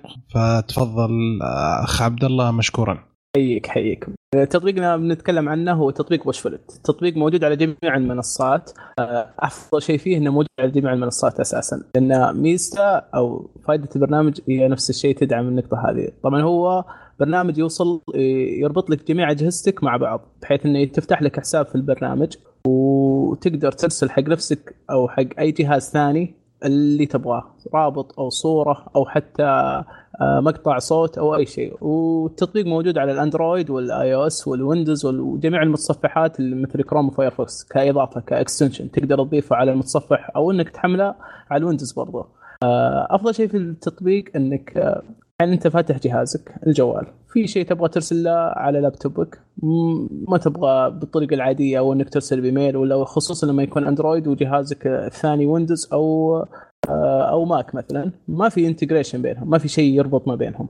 فالتطبيق هذا يربط لك كل شيء مع بعض بحيث إنك تقدر ترسل وخصوصا لما يكون عندك على أندرويد. بس اللهم تضغط علامة share وتختار التطبيق اللي يطلع لك يكون هو من خيارات برامج ال share وتختار الميزه الحلوة فيه لما تفتح ال share راح يفتح لك pop up جديدة كذا صفحة جديدة في وجهك حتى ما يطلعك من المكان اللي أنت فيه ويخليك تختار ما بين جميع أجهزتك اللي موجودة أو إنك رابطها أو إنك تقدر ترسلها حق جميع الأجهزة ويجي لك تنبيه على جميع الأجهزة أو البرنامج اللي أنت أو أو الجهاز اللي أنت اخترته فيها. في ميزة حلوة آه أنت لما تحمل البرنامج تقدر تربطه بالايميل اللي هو حسابك جيميل أو إنك تضيف تسوي لك حساب جديد. الميزه هذه داعمة طريقة ثانية اللي هي إنك تقدر تضيف أحد من أصحابك عنده نفس التطبيق. واذا كنت تبغى ترسل شيء له direct هو بدل ما تروح ترسل لي إياها بواتساب ولا تروح ترسل لي إياها ب mail يعني لازم تضيفه أساسا عشان وهو يقبلك علشان آه تقدر تتواصل وياه. فهمتني كيف؟ أيوه. فهذه تكون ما بين ال ال يعني لما يكون صاحبك قريب منك ولا شيء زي كذا يعني ما فيها حتى إزعاج. والحلو فيها إنها تخليك تركز يعني ما عادة في الواتساب أنت ما تلتفت للروابط ولا الشغلات هذه. وتضيع أساسا لما تحطها بال group ولا ترسلها له في الواتساب ولا برسالة عادية. فهذه ميزة حلوة موجودة في التطبيق. بصراحة التطبيق أنا جدا أستخدمه من زمان أستخدمه. جدا ممتاز. أنصحكم فيه إذا تحتاجون ترابط بين اجهزتكم خصوصا إذا فيه مواقع تحتاج تفتحها على اللابتوب مو على الجوال. يعني أنا دائما تصير لي تشوفني فاتح تويتر وعجبني موضوع مهم ولا شيء زي كذا فتحت على الجوال وبس أنا ماني فاضي الحين ولا ما ما هو كويس تقرا على الجوال. فهمتني كيف؟ بس اللهم اطق share واطق آه، التطبيق وعلى الكروم. يصير أول ما أرجع البيت بنفتح جهازي يجيني بنفتح جهازي على طول الكروم يتحدث وتنضاف tab جديد ويكون الرابط اللي أرسلته أنا نفسي أنا. طيب تقدر ترسل أكثر من يعني مثلا خلال اليوم أرسلت اثنين ثلاثة عادي ما عنده مشكله إي لا لا مفتوح مفتوح ما في مشكلة. والحلو فيها يصير فيه history عليها بعد يعني إنك لو في شيء أرسلته وتبغى ترجع له بعد أسبوع ولا أسبوعين ولا شهر ترجع فوق وتشوف أيوه يرشفها كلها. ففي أشياء مهمة تقدر تحطها فيه يعني تقدر تخليه كارشيف لك لو تبغى تصير تستخدمه من أي منصة ثانية. فجدا ممتاز. انصحكم فيه تجربونه يستحق التجربة حقيقة. حلو حلو. آه روابط مقاطع كل شيء تقدر ترسل. كل شيء. تقريبا حتى الصور الفيديوهات ما أدري كم يعطيك حد أعلى لكن آه أنا جربت حطيت صور عادية يعني ما حطيت فيديوهات أكثر من جيجا علشان أقول لك جربت يعني هو مو حق استخدام زي كذا حق أشياء بسيطة ترسل صور بسيطة وكذا فهمتني كيف؟ فيديوهات آه جربت فيديوهات أقل من تقريبا 200 ميجا ما في كان ما كان في أي مشكلة. بس ما جربت أكثر من جيجا عشان أقول لك آه إذا كان ما يدعمها. لكن ابدا ما وقفوا في وجهي شيء يعني. روابط وحتى إذا كنت تبغى نصوص ترسلها لنفسك لأن أنت أول ما تفتح البرنامج راح يحط لك اياها كانها محادثة بينك وبين نفسك. ويحط لك أجهزتك كلها اللي أنت سجلت فيها. من أول ما من أول ما تسجل بجهاز يطلع لك جديد جديد جهاز جديد و... وتقدر تختار. وتقدر برضو قلت لك أنا لما تسوي share آه تختار ترسله على أي جهاز أو تختار أو إنك تختار ترسله على جميع الأجهزة، إذا ارسلته على جميع الأجهزة راح يكون في تنبيه في في الم... راح يكون تنبيه على جميع الأجهزة، أو انت جهاز واحد بس أيوه عاد أنت وكيفك يعني فهمت كيف؟ إذا كنت تبغى على جهاز واحد تختار الجهاز هذا ويصير ما يجي للجهاز هذا. حلو كيف؟ والله أيوه. نايس. أنا ممتاز ممتاز. الله يذكره بالخير الأخ فيصل أول ما بديت مع كشكول أيوه آه تقريبا أول مكالمة قال لي في برنامج استخدمه اسمه Pushbullet عشان ارسل لك فبداية الأمر كان كن اللينكات وهذا كل شيء على هال Pushbullet بيني وبين الله يذكره بالخير. أيوه لا ف... ممتاز البرنامج خصوصا انه يخليك تركز في النقطة هذه يعني. إي نعم. البرامج التواصل الحين صارت صارت تضيع فيها أشياء فهمتني كيف؟ فهذا إيه. يخليك تركز يعني هو ال file مهم وانتهينا فهمتني كيف؟ إيه حلو. الله يعطيك العافية. في شباب تبغى أحد يسأل عبد الله؟ أنا مجرب التطبيق بس أحد يبغى يسال سؤال أنا كله. كله واضح يا شباب؟ Clear. Good clear أنا. حجربه إن شاء الله. أوكي متوفر على شو اسمه؟ على اندرويد وال iOS وعلى الويندوز كبرنامج وتقدر تضيفه على المتصفحات كلها. متصفح الكروم والفايرفوكس ك extension. جميل. الله يعطيك العافية أبوي. شكرا. الله يعطيك العافية. آه كذا خلصنا فقرة تطبيق الأسبوع. إن شاء الله نبغى نحط الروابط إن شاء الله في وصف الحلقة. في الموضوع. آه ننتقل إلى الفقرة الأخيرة وهي فقرة آه اسأل كشكول تقنية. آه أول شيء آه في شو اسمه أول واحد أول سؤال الأخ آه، ميسي الأسطورة. إضافة أداة shortcut للآيفون عن طريق المشاركه هل فيها خرق الخصوصية في الجهاز؟ وشكرا. علي من الكويت. Me don't know. هي اللي تنسخ؟ ما أدري وش بالضبط قصد ال shortcut هل هو التطبيق يمكن اللي تنسخ وتحتفظ فيها زي ال clipboard أنا ما مم. أعتقد كذا طب هل هو في خرق للخصوصية؟ يمكن صحيح أنهم يقدرون يوصلون للأشياء اللي تنسخها فعن نسخ إيميل ولا password ولا شيء. أغلب ان البرنامج يقدر يوصلها. بس ما دام إنه برنامج إذا مستخدم وموجود في متجر أبل يعني هو عندك 50 50 chance إنهم هل حيسرقوا معلوماتك ولا لا. ف... صحيح أيوه صحيح صحيح. يعني ممكن هو ممكن. انت دائما أعرف إنه دائما لما تحط معلوماتك في أي مكان كان متصفح كان برنامج كان أي حاجة وديت له صلاحيات أو وديت له معلومات آه، سرية فلازم آه، تحسب المخاطرة اللي أنت بتخشها. فينصح بعدم ذلك إذا كنت أنت مرة مهتم بالخصوصية حقتك. بس آه، إذا أنت مضطر وكانت أشياء عادية يعني homework ات أو link ات أشياء زي كذا بسيطة passages ما عندك مشكلة. حلو. آه، تغريده الأخ آر قلناه إحنا في فقرة. فننتقل لعبادي الله يهديه عبادي. يقول بعد عشر سنوات من الآ- مع الآيفون قررت الهجرة إلى الأندرويد. بما. تنصحوني غير سامسونج. هواوي. OnePlus. OnePlus. واحد واحد واحد واحد. هواوي OnePlus. تقريبا خلاص كذا. قفلت؟ أنا أنا أشوف كتجربة متكاملة. الواحد ممكن دوب حول من ابل يكون يفضل إنه مثلا يأخذ آه، نظير. ابل من ناحية اندرويد اللي هي البكسل السلام عليك لا إذا كان عندنا هنا ما أنصحه خصوصا إنه ما في دعم. آه نفس الشيء نقدر نقول على ايفون يعني خليك ساكت. لا ليه؟ كيف ما في دعم يا صاحبي؟ يعني أول شيء هنا البكسل ما راح يقدر يشتريه إلا بأغلب 400 500 ريال زودا على سعره الغالي يعني. هو يدبر نفسه من فين يجيبه؟ نحن ما لنا دخل. ما لنا دخل. بس لا أكيد إنك لما تنصح على واحد تنصح برضو في الدعم يعني. معليش من ناحية الضمان والشغلات هذه مهمة برضو. لو صار له شيء وش بيسوي؟ يعني ياخذه من جرير عندنا هو اللي دا هو اللي ولا ما يقدر ياخذه من مكان غيره. ما راح طيب يجي له جرير- ضمان. لأن جرير جرير هو- يعطيك ضمان. حيدوك ضمان يعطيك سنتين. أيوه يعطيك ضمان جرير. أنا أقول لك يا ياخذ جرير بس جرير عادة سعرهم أغلى. هو ما كتب شيء يعني عن السعر بس استنى دقيقة. مهما يكن إحنا نعطيك؟ خبر كامل إحنا. إيه؟ ها؟ أغلى من الآيفون؟ وشو؟ بكسل يا.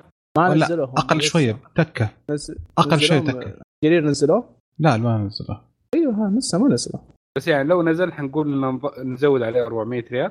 400 500 على البكسل الماضي كان كذا تقريبا زيادة 400 500 ريال. يعني لو أخذناها بدي دي الطريقة برضه حيكون أرخص من ايفون قارنوا بالآيفون طيب.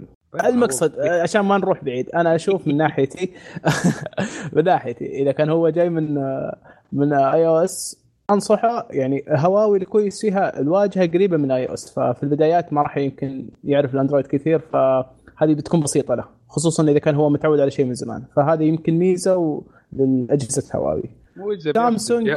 أيوه إذا بياخذ الجهاز اللي فيه كل المزايا وكل حاجة والتعب والفلات ياخذ ال Note. أو إنه ياخذ السامسونج النوت هو النوت إذا لا كان هو لا لا شباب. شباب يقول غير السامسونج حدد الرجال. آه غير السامسونج. آه غير السامسونج. مستيك مستيك خلاص. سيمن قم نساي فالحين أنت ممكن- الحين أنت قلت. بيكسل. وانت قلت هواوي؟ هواوي أسعاره وش؟ خصوصا السعر ممتاز. وأشياء عندك من 300 ريال إلى 2000 إلى 3200 ريال. عيش حياتك في في الهواوي. أوكي؟ هذا حسين. عبد الله يقول بسأل عبد الله يقول آه، OnePlus أو هواوي. أو هواوي. أوكي. مضر وش تقول أنت؟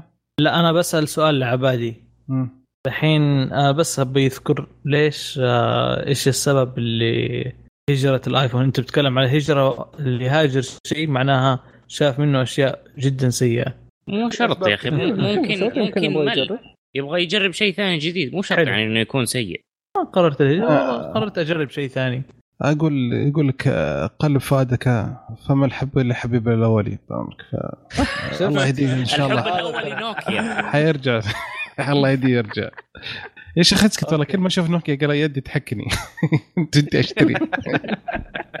بعد الماتريكس أنت خلاص اتفقع خلاص. أوكي. آه محمد آه، كازا يقول كان عندي سؤال بس شكل نسيته. يا ترى لحظة أفكر ما لقيت شيء عقبال الحلقة الجاية. الله يلعن ابليس كرهت كرهت التغريدة. حلو يا محمد. لا تكررها. وريك كان شكل نحذفك مرة ثانية. آه كذا آه خلصنا أسئلة آه اسال كشكول الحلقة هذه. إن شاء الله بإذن الله الحلقة الجاية آه في أسئلة ثانية ومستعدين لها. آه الله يعطيكم العافية شباب. نشكركم صراحة. آه نشكر بعد الأخ عبد الله العضو الجديد. شوف كيف إحنا مؤدبين ومحترمين اخ عبد الله. كيف نحييك. شكرا لتواجدك أبوي حبيبي حيك الله يخليك. وفي النهاية آه نشكر المستمعين المستمعينا على الاستماع ونتمنى أنكم تساعدونا على الانتشار بانكم تقيمونا على الايتونز وتزورون الموقع وتشاركونا براءكم عن مواضيع الحلقة ردودكم ترى تهمنا ونتمنى أنكم تتابعونا في ال social media على تويتر إنستغرام سناب شات وتسوون- subscribe في اليوتيوب ونشوفكم إن شاء الله على الف ألف خير. ترى بدأ